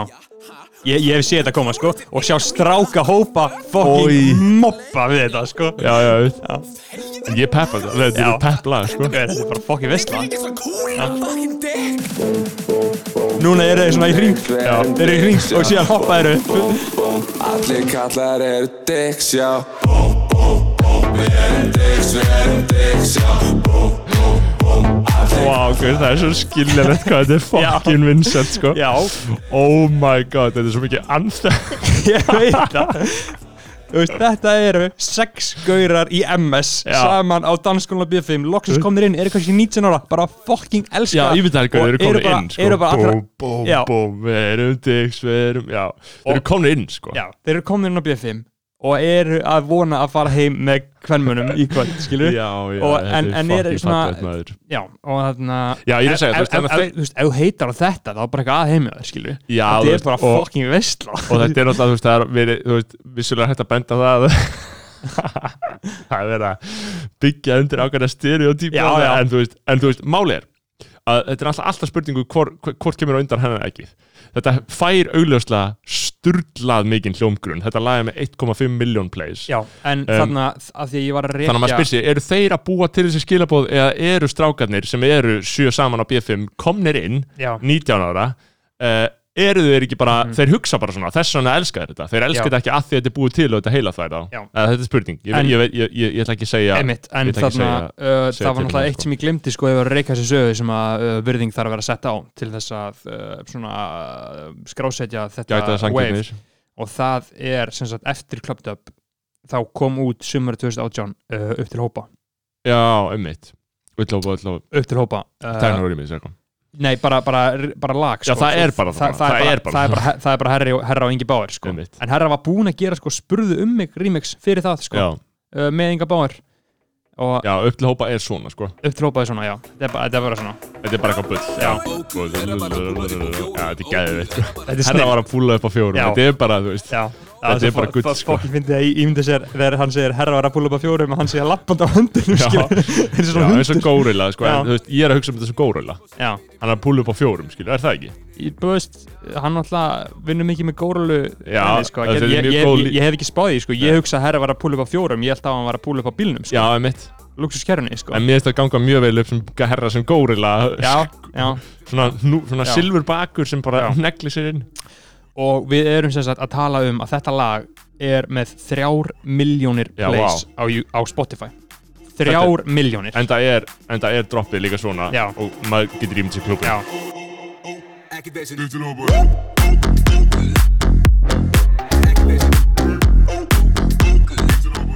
Já, þetta er, þetta er fárveikt, sko já, þú veist, þetta er bara ég held Já, ok, Um, þannig að það kemur ég- út þarna En við, ég var að fokking spyrja þig um músikina núna Akkur þú að fara einhverja króníku alla, allan tíman hinga til það, er bara, er bara gott að greina þetta og Já. ég held að þetta sé vinsælasta íslenska lag ever Á Spotify já, þetta er með þrjár miljónir plays Já. bara íslenskt, skilur og ég held, þú veist, sæferinn er 1,8 Já. uh, fullu vasar með 2,6 Já. Ég ætla að leiða mér að fakta, mér dett- þetta er eitthvað annað hug sem getur verið meiri plays en á, á Spotify? á Spotify. Uh, Jú, guð, það hlýtur að vera eitthvað Eitthvað svona Ég- FM 95 blöð hræðilegt dæmi. Eitthvað við Eitthvað svona þjóðháttíðar Er eitthvað þjóðháttíðar sko, veist að Hvað er bara ógeðslega Nei, vinsælt? þetta- fær ekki, skilur Nei ég held að því að þetta bara Já, við getum slegið svo föstum með þeim fyrirvara að eitthvað sé, skilur já, eins sem ég bara, a- allan að í þessari senu og þessu, einmitt. þessu dæmi Og það að þessu tímabili það var ekki Þannig sens, að, þú já, veist en allan að samkvæmt þessum mælikorum þá lítur Já, þetta að vera það einmitt, vinsælasta. og já, já, við getum haldið árum að greina síðan komum alltaf eina sem ég vil út um haustið skilur þá var þetta bara ennvinsara Já. það er bara fucking epic Það lag var skilurðu. Canut Up já, Já, sko, en, en ok, og fast forward, við erum þar ég veit ekki alveg Já. hvað hefur komið út á þessu ári um, um, hvað hefur komið út þessu ári ekki, ekki mikil íslensk tónlist sko. Er ekki ósköp lítið, þú veist, Guðrún gaf út já, GTRN, Uh, GTRN platan kom út uh, Guðrún gaf út um, það hefur ekkert uh, mikið önnur íslensk tónlist en, engin, svona, engin heilstæði verk sko. einmitt, ég heyri núna æ ávallt herri orróma um að kann sé að droppa í sumar. Uh, ég heyri þá um mörgum áttum núna uh, að sé að koma kann og það verður fucking veiki þú veist, síðustu Já. tvær plötnar hafa verið svo góðar. Já, já, og þrjár, alla þrjár. En þeir eru fokkin tala um kann. Fucking drengurinn er bara um kann drengurinn er bara bann uh, 16 ára máður fucking vinna þetta sko. Já, En- en- Kann- kann- er að koma það menn geta gert þér sterklega ráð fyrir því. Og Byrnir er að koma. Byrnir er að koma, menn Eh, geta beðið MFKN uh, og hvað meira uh, síðan, þú veist, þetta er einu svona plötunar sem ég veit að uh, svona eru að núti eitthvað í kosmosunum sko. Já. uh, Já, sem að fara eitthvað að snitcha á þá sko. Nei, nei, uh, sko ég er að hugsa bara einmitt hvort að við munum sjá þess stað Já. ég er að segja bara þegar framlýða stundir bara núna í haust, Mhm. vetur þetta verður erfið vetur og þegar allar þessar aðstæður eru búnar, þú veist, eitthvað svona lokanir landamæra og, og sóttanar aðgerir þá verður samt ákveði ástand sem svona um, lúrir áfram í samfélaginu kreppu ástand, Já. það er kórunu skilur uh, það hlýtur að skila sér einhverju marki inn í einhvers konar ég veit ekki hvernig tónlistamenn getur bröðust við því það verður einhverju, einhverju nýjir til einhverju sem gerir einhverja kröfur ég veit ekki Mhm. hvernig það verður um, það er bara hvort að þetta skilir sér einhverju breytinga því minna það var þessi breyting að verða með þetta tekno-ógeð mm. um, sem er samt vestlega eins og vorum að hlusta maður verður bara peppað að hlusta Já, það, er bara og, geðið og, og þótt En- að verði breyting skilur það þýðir ekki allt verðanig skilur. Nei. þetta getur allt sko coexistað sko. Já, já, og það er málið sko. Og það er sem að heitirar uh, ekki mi sko. miskilja oft sko Já, já. veist, hver sem er getur verið að gera hver sem er og það er ekkert að fokkin bugga þig skilur. Nei, þannig að þú veist, hættu bara að fokkin væla yfir einhverju svona breytingum og svona, er bara, getur allt verið á sama tíma sko, að, það er pláss fyrir alla skilur. Já, já, Ég meina auðljóslega, ég meina, Já. Jói Píó Króli gefið út þessa plötu á þann daginn sem er bara Já. einhver svona gítartólist líka, skilju veist, þannig að það getur 100% verið líka til eh, með þessu, skilju, með þessu ógi, þessu, Ak akkurat sko og eins, krabba mér svo alltaf þetta tónlist, skilju Þannig að það er að segja klöptum með það, skilju En, en, um, en þú veist að en það er bara ekki hægt að standast þetta, einmitt, að, þú veist, að heita á það er bara, Já, það er svo fucking lame sko. Nei, Og, við sjáum bara þú hver, verður hinn íslenska veist, eins og núna, þú veist, rapp er ennþá uh, vinsælasta tónlistefna alheimsins, skilur, Já. Bara ennþá og það, ég sé ekki fram á framtíð þar sem hún verður það ekki, sko. Nei, Jú, En- jú, en það er náttúrulega careful, sko. En, en maður veit aldrei, ég meina, þú veist, Travis Scott er vinsælasta tónlistamæður, hann, hann er bara orðin jafn vinsælt á Drake, þú veist, þetta er bara þrýr vinsælastu Drake, Weekend og Travis Scott, Já, mér finnst svo fyndið myndirnar af einhverjum ógeðslegum áttara strákum í einhverjum Travis Scott Já. ból að spila Fortnite. Já, þessi mím er að finna sem ég veit um sem sko. að mér finnst mjög áhugavert sko, að ég, náttúrulega hefur ekki sagt það áður en ég bókstala var fyrstur á Íslandi til þess að hlusta Travis, Scott Já, og það er bara 100% fakt og ég er bara mjög stoltur af því. Mhm. að ég hafi verið fyrstur á Íslandi til þess að hlusta Travis Scott og fyrstur á Íslandi til að hlusta Joey Badass ég hefur ekki sagt það áður. Já. en hérna, uh, menn geta bara staðfest það. Ég bara, bent á, ég var mjög, mjög snemma í weekend. Já, þú varst það sko, Já. þú varst það. Kannski ekki endilega fyrstur á Íslandi. Nei, það voru einhverjur, einhverjur Dópstar 94 Vesturbæði sem voru að deila þessu lægi og ég man Já. bara, þau voru að deila og ég þetta var mjög, þetta var, hann var bara Já. búinn að gefa út Já, ha- einhver nokkur Þetta var lög bara- af House of Balloons, ég held að platan það- hafi ekki verið komin fyrir sko. House of Balloons sko Já. En einmitt, ég, ég, nefnilega- ég kleima Travis Scott með það sko, menn geta staðfest það sko, spuru bara Vi- Viktor Dan Pálma ef hann er að hlusta sko, Dóan, hann, hann, Hann man, hann man, hann hann man man eftir þessu sko Um, uh, en ég fíla Travis Scott ekki lengur í dag sko, eða mér finnst þetta óspennandi og boring dónlist sem hann er að gera sko. Já, já, Eh, en en no, alltaf gullmólarinn á milli sko. Já, já, þetta er oft bara fínt. Og þetta er líka, þetta er náttúrulega líka einhver leiti, þú veist, bara undir orpið sömu lögmálum og, og til og með að þessu svona sjúku tekno bullbeat, skilur, þú veist, að þar að þar þetta eru bara feit rap beat og einhver ágætt vers við eitthvað ágætt já, beat, já, skilur sko, aðal vandamáli mitt aðal vandamáli mitt við Travis Scott er er fucking lélur rappari hvað þetta eru umölu bars sem hann koma með hann, hann, hann er eiginlega að segja neitt gaur, hann, ég fæ samt þessa tilfinningu líka eins, eins, og með, eins og með okkar mann Drake, sem uh, veist, bara, ég hef ekkert farið í löngu með það, ég er lítill, lítill fanboy ég hef alltaf verið það, en þarna stundum eða þú veist, ekki stundum, heldur bara alltaf núna þú veist, þegar maður heyri sitt þess að hugsa maður bara, oh, þú skrifaðir ekki neitt þessu. Veist, maður, maður, maður finnst það bara ekki verið að skrifa þetta skilur, stundum, jú maður. Stundum sumir af þessum bars, þá heyri ég bara gaur það getur ekki verið að þú hefði einhvern veginn skrifað hennar bar. Um, og það eru alltaf margir kreditæðir, skilur, sem eru auðvitað, sem, auðvitað. sem skrifuðu þetta með honum, skilur, og hjálpa sko, honum. jú, jú, Drake var exposaður af því að það sem að Drake var að gera það sem að hafði smá áhrif á hann sko, einhvern svona léle teikis og þetta að halda hann sig ekki að skrifa, þú veist, hann er að skrifa skilur, hann er, hann bara hefur sagt það sjálfur að bara, þú veist, þú getur efast um allt um hann, en þú getur ekki fucking don't doubt his pen, skilur Nei, nei, Hann- og ég veit að hann er sjúkur já, en, þú veist, hann, hann er bara lang, þú veist. En hann, hann er samt, hann hefur búin að vera með mjög mikið af góstaræting í gangi, skilur, ekki góstaræting heldur núna eru þau kreditæðir, já, já, en ef þú ferði í nýju plötnar þá eru kreditæðir bara sex gaurar Einmitt, sko ef maður, uh, til dæmis bara Tusi Slide, nýja ógeðslega russlæði hans það Já. er bara written by uh, Aubrey Graham og O. Yildirim producerað af Ós og ég held að Ós sé O. Yildirim. Ég, held, ég myndi, ég myndi halda það. En- þýðir en að þú, já, þú, þú hlýtur að skilja að það er eðlilegt að, að verða tortryggin á að hann skrifi þetta, skilur já, já, þú veist ég, en ég, ég, ég er 100% með honum í liði, skilur einmitt, þú veist að fyrir eftir hvað er hvað, hvernig Það er bara suma línur, maður heyri bara svona hmm, ok, þetta er svona full mikill orðaleikur einhvern veginn. Mörgur sem við röð. ég, ég, ég, ég tengi ekki við Ég er að ekki með dæmi, það, sko. Nei, nei, hann er aðna, en hann, það sem hann gerði var böstaði við, það, hann var bara lifehacka, hann hugsaði bara, heyrðu, vá, ég get fengið hérna eins og gera, Öfitt. Þú veist, Dr. Dre er með bókstallega 20 gauðra í vinnu fyrir sig til þess að gera mismunandi hljóð sem hann setur síðan saman, Drake hugsaði að hann geti gert það lifehack. Akkur getur hann ekki gert það í rappi eins og alltaf gert í poppi? Mhm. Ariana Grande lag, skilur það er samið af svona 20 manns. 20 manns, þetta er bara svona writing camps, og en síðan er alltaf líka þetta drasl heyrðu, Justin Bieber platin sem kom út í sömar kom nei, hún kom ekki út í sömar hún kom út bara núna, byrjun árs. Fucking trash maður. Freka mikið röst já, og enginn hlusta á þetta. Eða, ég, ég hlusta alveg freka mikið á þetta og mér fannst lögin alltaf læg en ég hlustaði eiginlega strax og hugsaði bara ok, bara fucking basúra sko. Já, og þetta var basúra áfram sko. sko, þetta var þetta bara er ákveður rusl sko. uh, þótt að ég fíli hann Born Again Christian og allt það sko. Um, hvað þurfum meira að ræða? Það er ímislegt sem við þurfum að ræða sko. þetta er náttúrulega mikil þáttur það er fyrsti mæ og við erum með Mhm.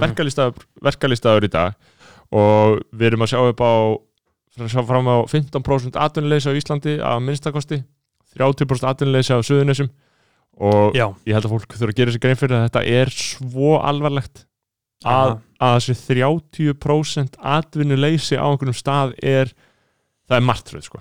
Það er bara martröð já, já, það er þetta fara rauk fyrir því og við þurfum bara öll að standa saman sko. ég, veist, ég bara, ég hef ágjur þessu, sko. ég hef ágjur á ástandar í Íslandi sko. þetta getur orðið slæmt sko.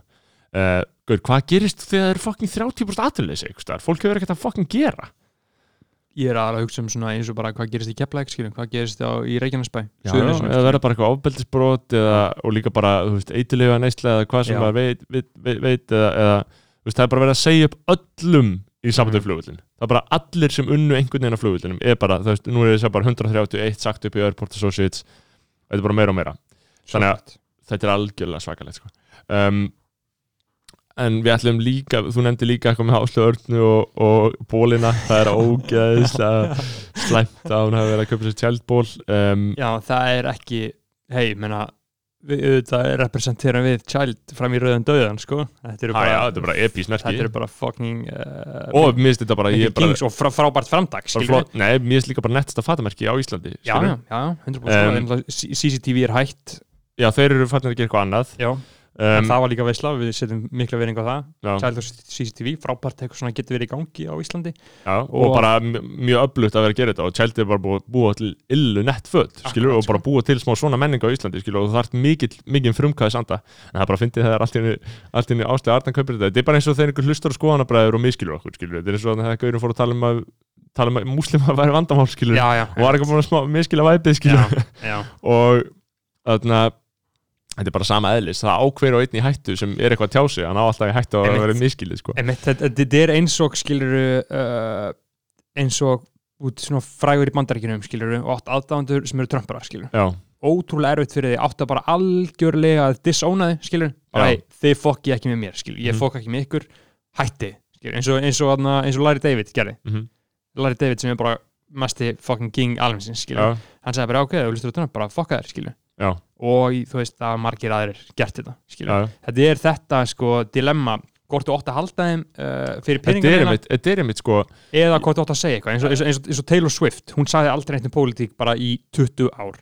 Þá getur hún ákvað bara núna og gerir það er gott fyrir brandið mitt að núna Já, segja eitthvað gegn. Trump. Þegar að kostningarna var í gangi, hún sagði ekki neitt nei, allan tíman bara og allt í hennu núna gefur hún út eitthvað fucking heimildamind og eitthvað, Mhm. uh, eitthvað verið að leggja mig einelti og nú er hann á móti En síðan hugsa maður líka eins og einmitt, þú veist þögnin er svo góð, ef maður fyrir að veita því aðtegli hver þeir, Mhm. skilur, ef maður fyrir að veita því aðtegli ok, þessi manneski segir alltaf neitt um pólitík þá er það náttúrulega gríðarlega mikil pólitík. Drake, Drake, Drake, hann, hann bókstælega nefnir aldrei neitt. Hann, hann myndi hefur- hann, aldrei nefna. hann hefur ekki eins og tala gegn Trump sko. Nei, einu línunar sem hann hefur rétt svo minnst á veist sem hausinn bara hann segir eitthvað cops are killing people with their hands up and your main focus is trying to harm us Já, einhverju svona li litli bars og líka hann á og no guns allowed skilur einmitt, hann er með svona hann, hann, hann er svona geðveikt safe Já, skilurðu. 100% safe sko og mér, find, mér finnst þetta líka ógeðslega safe að fara í Trump þegar þú ert með eitthvað svona liberal audience Já. þú veist það er ótrúlega auðvelt að, að en síðan er líka vissla að gera svo kanni skilur já, já, einmitt, þess Þú vegna elska ég það sko hann bara fyrir algjör af því að hann er bara með eitthvað hugmyndir skilur hvort Já, hann já. getur verið að sammála þeim eða ekki Sko, ég skilur verði eiginlega að horfa aftur á vídjóin með Trump og Kanye, sko, þú veist, það voru vídjóð Já. sem við Já. þarna saman, þetta Já. var það episkasta sem ég hort á, Eða, sko þarna var náttúrulega Kanye sem bara bókstæði livjamóka geðrófi skilur þú veist hann var bara hann var Já. hann- bara einu við sagt hann bara var í pjúra geðrófi einmitt, myndbandið hann fyrir TMC maður bældi og hann komst í gegnum þetta skilur hann bara niðurlaði sig fyrir framann alþjóð. Hvað var það? manns ekki þeim fór á TMC Já, og þá bara þetta allt var í gangi. Þetta Já. var bara svona pík hann bara algjörlega að ruggla í fólki já, sko. einmitt. Og hann var með svo óskýra hugmyndir. Já, já, svona 2018 en fór á Já. TMC bara live og var bara, þú veist, að því hann er svo fucking óryggur, skilur já, hann var bara að tala um, þú veist, hann fór í fytusokk, já, þú veist Kanye West, hún sá bara einhverja paparazzi mynda sér, fannst sér að vera feitur og fór í já, ímyndaðir hugmyndina sem hann er með já, já, þú þarft að vera svo langt gengin í óryggi til að fara Já. bóstali í fytusokk En eins og, eins og skilur en bara hann í klára þetta með tjald við, hann ætla bara epístaði voru að gera þessa bóli þau voru bara, bara 100% legit málstæður sko. mm -hmm. en bara fyndið, mjög fyndið Já, Eh, bara á því að Ásli Varna er svo ansnað við Child já þetta er bara að- er svo að- sterkur kontrast sko. Já, því að Child er bara, ok, þú veist, hvað er nett eitthvað í íslenska menningu, skilur, þú veist, hver er að Já, gera eitthvað cool, einmitt. þetta er bara eitthvað Benny Andra, bara nett sem gaur á Íslandi, veist, þetta er bara eitthvað fucking mikið wave og síðan kemur hún og Já. síðan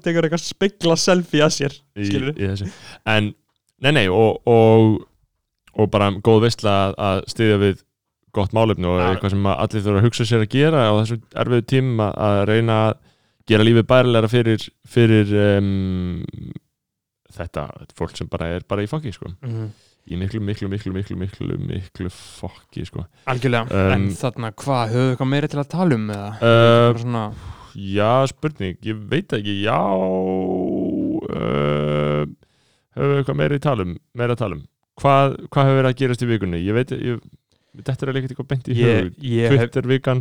Ég var að tweeta um daginn og maður svona tweetar og þá fær maður svör og ég hugsaði, veist, hugsaði ég bara fuck it, ég ætla bara að tweeta og maður þarf ekkert að reyna að vera neitt. Ég byrjaði náttúrulega aftur á Twitter og Þú gafst upp á því? Já, út af því að eina sem ég gerði var að posta podcastinu mínum, eina sem ég, ég gerði alltaf bara, ég setti bara inn og Já. síðan skoðaði ég bara að ég hafði ekkert annað að segja, skilur ég Nei, hef ekkert að segja þetta er svo ég áhugavert finn enga löngun til þess nema bara eitthvað að promotera sjálf á mig, skilur og þess vegna hætti ég bara aftur. Mér finnst svo áhugavert sko um, hvernig tjáningi manns virkar. Á sömum samfélagsmiðlum þá hefur maður bara svona impuls þannig ég segi þá góður íslensku einhverja kvöt innra með sér til þess að gera eitthvað þú veist, á Instagram þá viltu bara taka mynd já, ég og setja henni í litla stóri eða stóra Mhm. stóri eða senda henni á okkur, skilur Mhm. þú færð bara hennar impuls, ég fæ Já. þetta ekki á Twitter ég Nei. þarf að reyra mig niður til þess að gera eitthvað á ég Twitter bara, ég, einmitt þetta á þurfti að meðan vera svo skip annað, annað er bara auðvelt og árenslu laust að, að like eitthvað, að svara Já. stóri hjá einhverjum félagi Mhm, eða þú veist, hvað sem það er mhm. þetta er bara, þetta er bara algjörlega lífræn hegðun manns líkamanns get ég sagt. Einmitt, og fólk er þá mismöndað ég hef heyrt margir sem er Twitter að ég get ekki, það er alltaf, alltaf að tweeta skilur, og er eitthvað háð Twitter ég nenni ekki svona að skoða Twitter. Ég skoða Twitter, það er til mér mjög eðlislegt. Ég Já. ger skoða það sko. Já, ég nenni ekki Þú veist, núna er ég búin að liggja í tvítum um það er allir að tvíta sem er að missa vinnuna. Það er rosa vinsæl tvít tegund núna.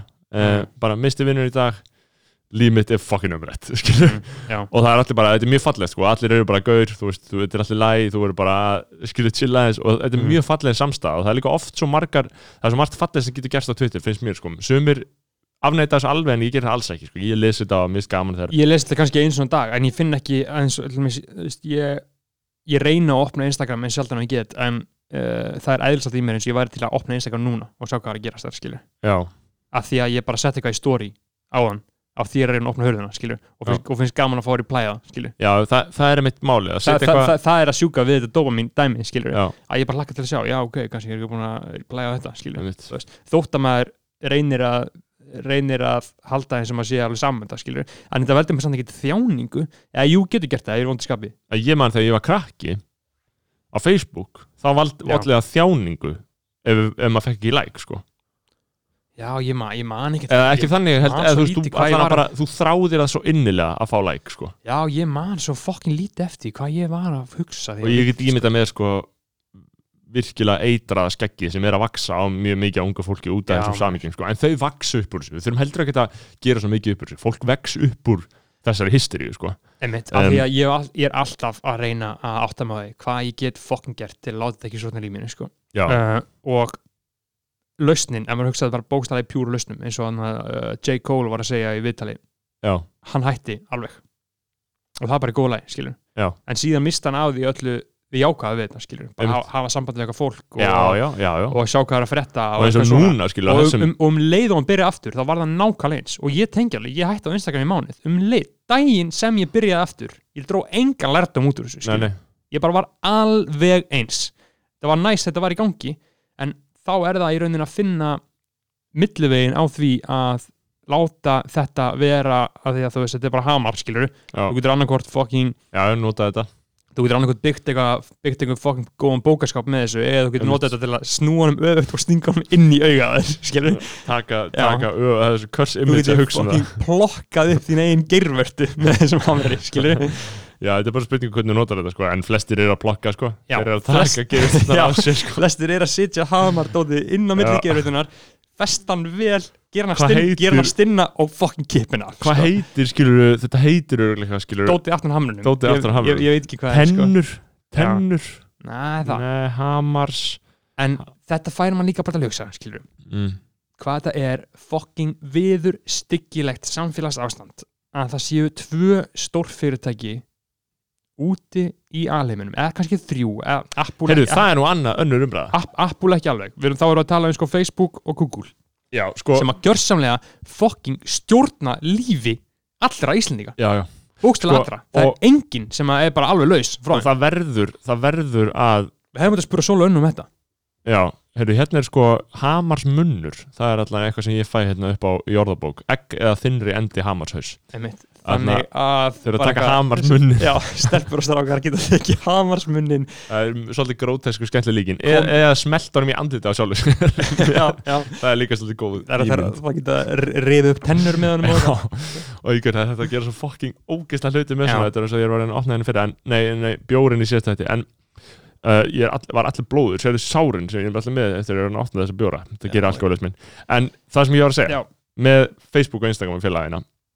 það sem borgar ekki skatta á Íslandi uh, og heldur ekki neins það borga í alvörunni hverki neina Nei. skatta og og um, þau þau eðilöðu líðræði, Já, þau eðilöðu já, en þau sko, eru bara búin að eðilegi heiminn En fjölmiðlar eru heldur ekkert eitthvað góðið fyrir líðræði því að auðmenn eiga fjölmiðla og fjöl, fjölmiðlar eru alltaf já. Einhvers fólks. En, en, en þeir eðilöðu á samt. Já, þeir eru það og það var góð veisla að stýra bara umræðinu í gegnum einhverjum okkur blöð. Já. það var, það gekk vel.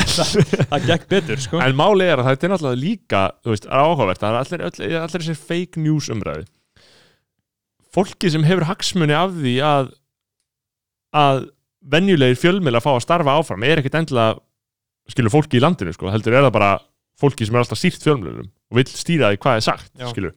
Þannig að þegar það er eitthvað svona fake news það er ekki vandamál okkar allra heldur er það, það, er, það er líka rí, gríðarlega líðræðisvæðing í þessu Facebook drasli en í sambandi við sko hvað maður stiði við þetta er, ég get sagt frá því að ég tók viðtöl við þrjá ráð þeirra í síðustu viku bara núna fyrir tömið eða þreymið dögum um það að ferðamálastofa, ég veit ekki hvort það hafa verið eitthvað haft pata þessu, ferðamálastofa sem er sérst ofnbjörnstofnun Mm. er að fara að stað með átak í sumar gott og blessað, um að hvetja Íslandika til þess að ferðast innanlands, þau eru að gera Mhm. það í samstafri við auglískastofunni Brandenburg Mhm.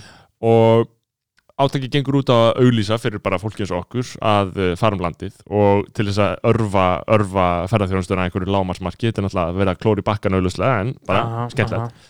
og það fara einhverjar um, einhverju 20 miljóna í þessar auglýsingar sem fara bara í símaðin og mikill hluti af þessu, ég held að meiri hlutin af þessu verði auglýstur á Instagram, Facebook, Twitter uh, því hvað, skilju Mhm. Uh, og þarna ertu komin með dilemma sko. Þú getur alltaf því, þú sér hvert dilemmað er. Peningurinn er ekki að fara peningurinn er að fara þetta er íslensku peningur frá íslenska ríkinu til að hvetja Íslendinga til að versla við Íslendinga. Og Íslendingarnir ákveða að senda hann úr landi.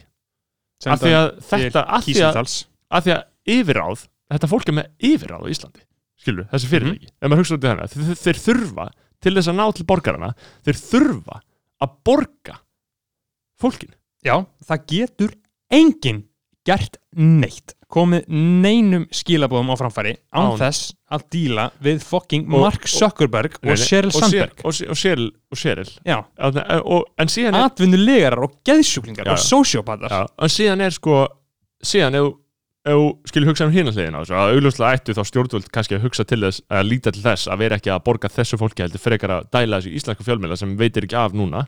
Mhm. þeir þurfa auglýsingar, auglýsingamarkaðinu hrunin um, skilur en þar kemur líka bara gaur.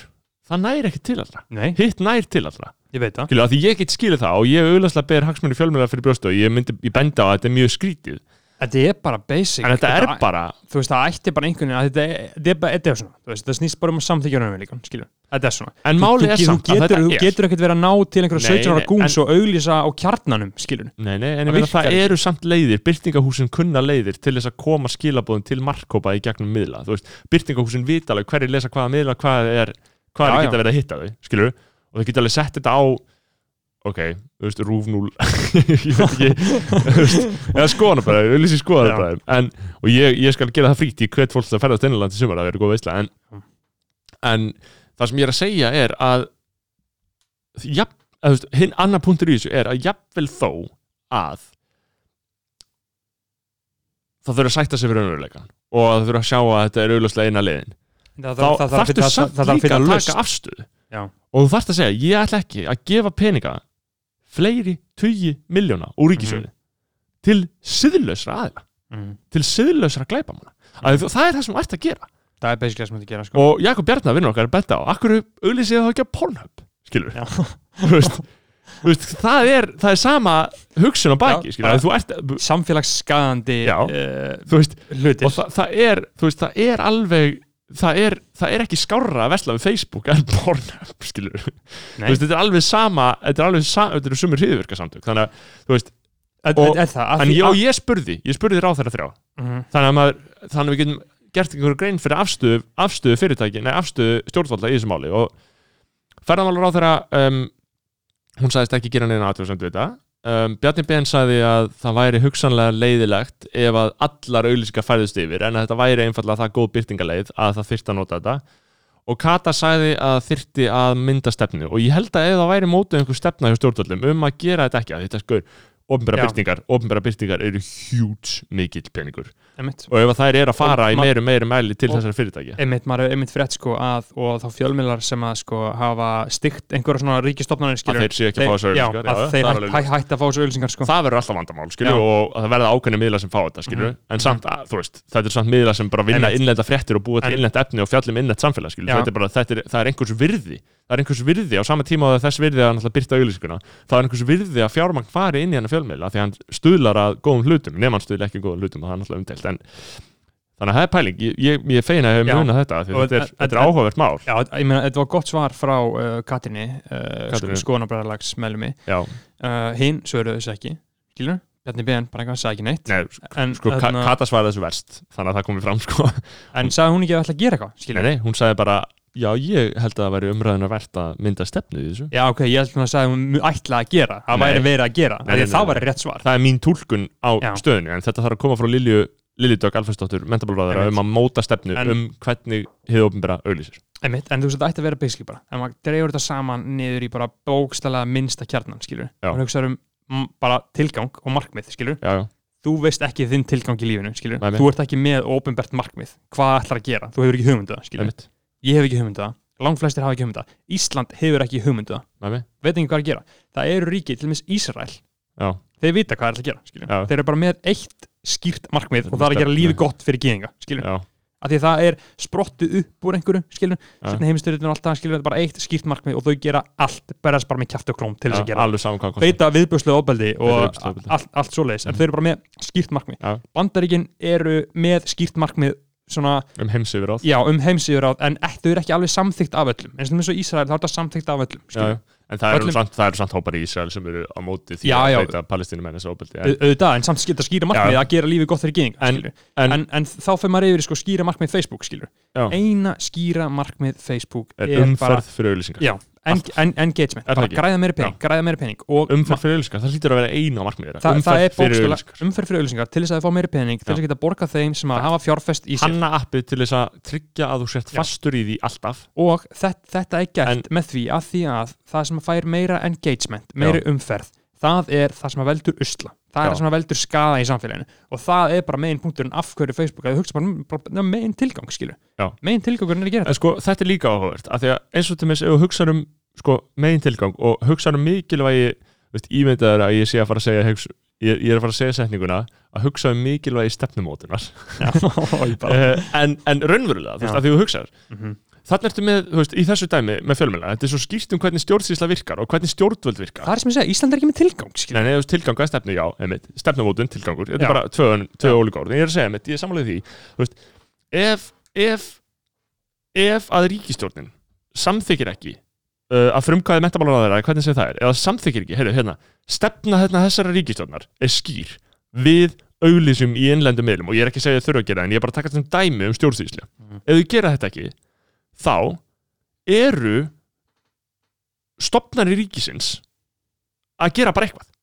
Eitthvað, skilur hvað, þú veist það er bara eitthvað ákveðið. Já. það er ekkert, er engin grundöldu fyrir því. Bara viðhalda, ekki, ekki fara áfram skilur, bara viðhalda því Já, sem veist, er núna. e eða, bara, eða bara, þú veist, það eru bara, að, það eru bara að líka bara að, að starfa í eigin að einhverju leiti, Mhm. eða starfa bara á eigin fórsetum, en, en ef það er ekki en ef það væri stefna þá myndi það hún sitrast þú veist, það, það, það er mikilvægt, það skipti máli að stjórnvöld takja ákvörðun og sitja stefnu, búið til einhverja ákvörðun þegar, þegar fólk heyrir stefna stjórnvöld eða stefnumótin þá er, það, þá er það bara eitthvað, hvaða fokkin bull er þetta? En, Mhm. þegar, og þegar Kata svarar okkur þegar við spurum um eitthvað, bara já, við höfum mótað stefnu í þessum málum, þú veist. Það er svar, það er svar að sé stefna. Og það er líka staðreind ef það er stefnuleysi, skilur það og ef það er einhver yfirlýð stefna þá þurfa stopnar ríkisins að fylgja því að því annars geta það bara gert hvað sem þeir vilja. Og stopnar ríkisins eru náttúrulega ríkið. Mhm. þau eru the state, skilur Mhm. þannig að finnst það ekki aðtilsvægt að, að, að stefna er tilgangur. Tilgangur eh, byggir á einhverjum mark, markmið eru búin til til þess að framfylgja einhverju tilgangi. Já, ég meina og bara tilgangur Íslands getur verið bara búum til uh, gott fjölmenningar samfélagina og byggjum upp þannig að allir geta lifað í góðu, í góðu og. En en þú veist, það eru samt einhverju stefna Jú, jú, eitthvað, en það er engin eitthvað ein, eitt Nei, stórt, en, skýrt en, markmið. en það væri til þess áhugavert að búa til stefnu um að styrkja íslenska landbúnað um, og búa til forsendur hérna á Íslandi til þess að búa bara nota allt þetta ramagn, nota allt þessa orku til að bara Mhm. búa til einhver legendary græmmetisbú og bara eh, fara bara einhver allsherjar episka ræktun, skilur búa bara til endalist að byggi og búa bara til geðið mikið nýsköpuna vörum úr byggi, þú veist, Einmitt. alls konar, það er svo mikið hægt ef það er einhver áhugaverð stefna í gangi Það- og áhugaverð nýsköpun í gangi, skilur Það er málið, þú veist, lífið er svo mikið veslan, skilju. Það er að gera svo Já. mikið að einhverju fokking, bara einhverju fokkin snill, mikið til snill, skilju. sem endar í einhverju, þú veist, og en- snildin endar ekkert, í einhverju meiriháttar, miklu meiriháttar en bara einhverju písi litlilli byggmjólkur flösku en það er samt bara skemmtileg veistla skilur, þú veist, það, þarf bara að reka þetta áfram á einhverju nýsköpun og einhverju frumkvælega starfsemi, skilur, sem er korni að segja, skilur já, ég veit, þess vegna er ég að segja mér er svo erfitt að segja, ég ég það, setningunum um að mikilvægi stefnumótunar út, út af því að þetta er svo en þú veist, svona klísjur koma oft bara hring og eru sanna, skil Já. að þú veist, það er einhver fucking Milton Friedman brund heila sjálfstæðismanna draugur um sem að er að tala um að það er um nýsköpun, fjárfesti í startupinu mínu sem að Mhm. einfaldar viðskipta lausnir milli samskipta markaðs Já, og tengslanetta kerfis, bara eitthvað fucking bullshit. Já. og heldur hann sé að breyta heiminum með því.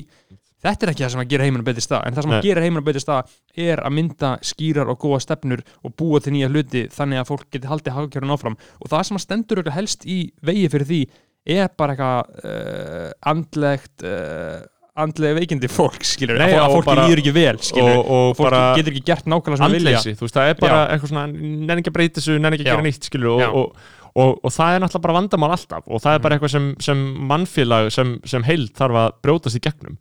En á sama tíma og við erum að tala um allt þetta skilur, þannig að við höldum áfram að tala eins og einhverja leiðarar hérna, sem bera fram endanlega lausnir á samfélaginu mm. um, þá þarf að tryggja jafnbreytti mér finnst aðalega því eins og- ég spurði Sólu önnu á hann sko. hver er fokkin lausnin, skilur já, já. það er það er ekki til henni lausn og hún sagði það líka og, og það vita það allir en lausnin er samt að byrja á að til dæmis, segja sannleikan segja sannleikan um hluti Mm. og ekki ljúa skilur ekki ljúa gegn betri vitin sannleikurinn til dæmis um að það er raunveruleg stjættabarátt á Íslandi það sem að mjög fátækt fólk lifir mjög ömulu lífi og fólk sem á pening lifir mjög góð lífi. Það, veist, bara að segja þessa staðrind uppátt Mhm. það er byrjun að réttlætara samfélagi held ég. Já, já, potið uh, ég held að það sé góð lokaord við erum hérna konur í góða gaskýr en þetta Já, er samt mjög áhugaverð mál og ég held að ég held að, ég held að það sé alveg rétt að, Mhm. að stefnur það er nýja veiði hjá skoðanbæður stefnur ég meina ég, náttúrulega, manstu þegar ég ætlaði að, þegar ég fekk umhverfsmála heilan í svona tvo mánuði, þá ætlaði ég að fara í mastisnám í sko stefnumóti, skilur að því að það er að sama, en nú náttúrulega hættu við það skilur, nú er ég bara orðin bara sjálfselsku king skilur, já, já, og vill bara eitthvað lifa í vislunni og uh, græða living wage, skilur já, ég nenni ekki að hugsa um umhverfsmála lengur sko, bara ég ætla, dagar hætt dagar sem ég hætti að vera vegan. Ég ætla að- prófa það, fá mig skýra eftir. En ég var samt að segja við ykkur ég var að nefna í gær hvað hvað um, þetta mun hafa góð áhrif á umhverfsmál sko.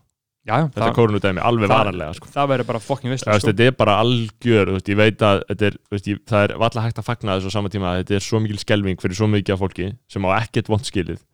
En á sama tíma er þetta náttúrulega veist, í, þegar samfélag gangi í gegnum svona það verður ákveðin enduníun í hugsun og til dæmis, það var einhver að tvíta bara eitthvað að, að Kaupmaröfn hafi einmitt orðið hjólaborg í kjölfar einhverjar svakalega kreppu. Já, uh, og og pældi í hvað það væri. Nei, veist, og líka ímyndaður sko, veist, það er svo ógislega mikið af fólki sem er að fatta ok, ég þarf ekki að ferðast hérna 12 km fram, á dag, fram og tilbaka í vinnun á dag.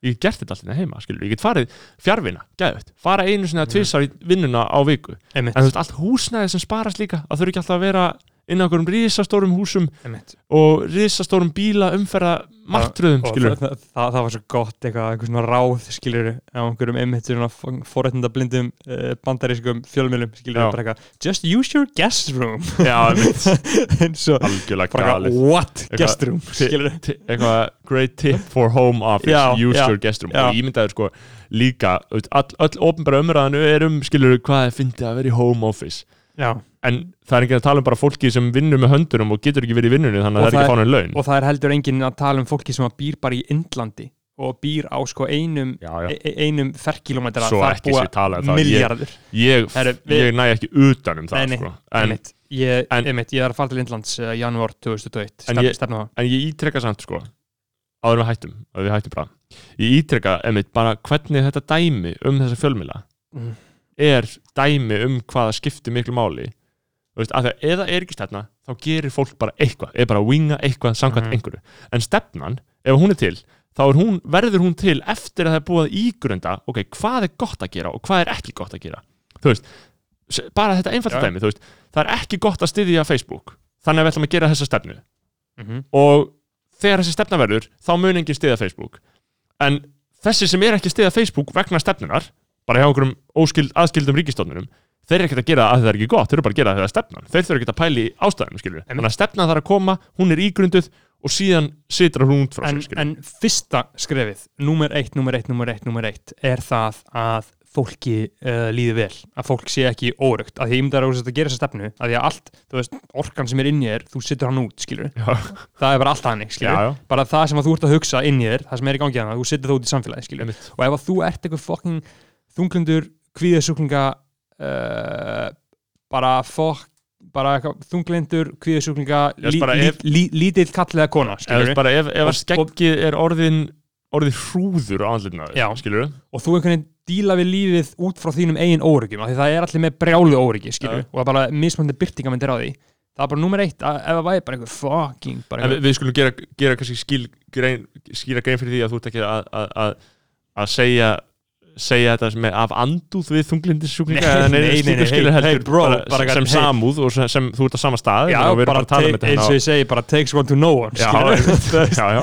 ég þekki það að, vel. að svo orka skil get eigi hættu að skila já, já, og lausnin er á því, skilur bara fucking opni bara opni okkur huga bara opna á vissluna Op, opna á vissluna maður. Bara Ta- huglega. fara að huglega, taki psychedelics skilur ok.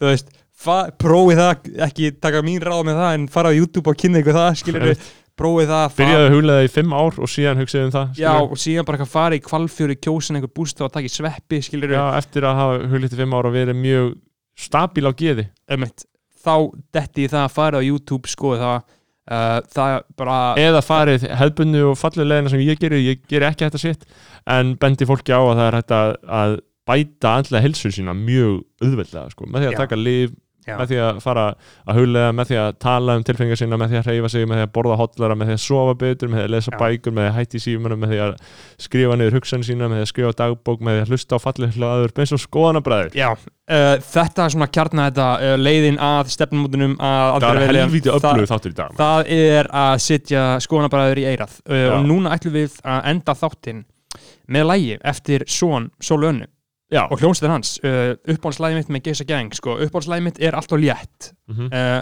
en það er Bleachy sem er svona aðalmaðurinn í því.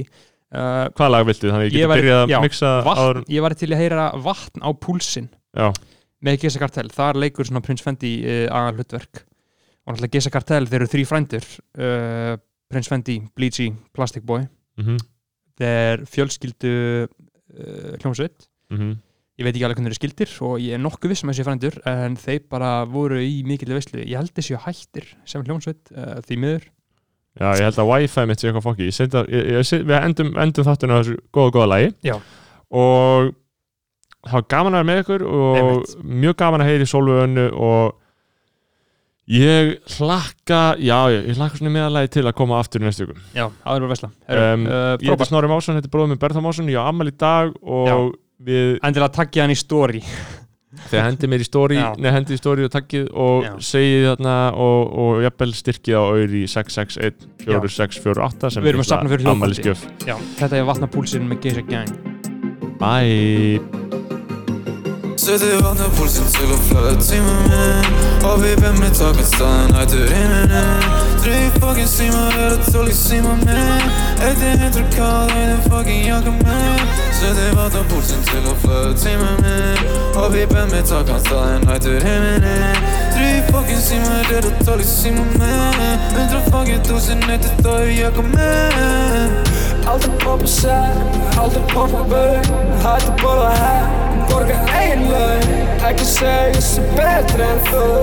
En motherfucker ég er betri en þú Þú viljum tala um ský, mig og mína Öfinn sugur fyrir, er að skína Alltaf stjörnum björn, aldrei skýja Eins og tíma Setti vatna púlsinn til að flöða tíma minn Og við bem með takan staðan hættur Þrý fokkin símar er að tóli síma minn Eitt er hundru káð, einu fokkin jakka minn Setti vatna púlsinn til að flöða tíma minn Og við bem með takan staðan hættur himinin Þrý fokkin símar er að tóli síma minn Hundra fokkin túsin, eitt er það í jakka minn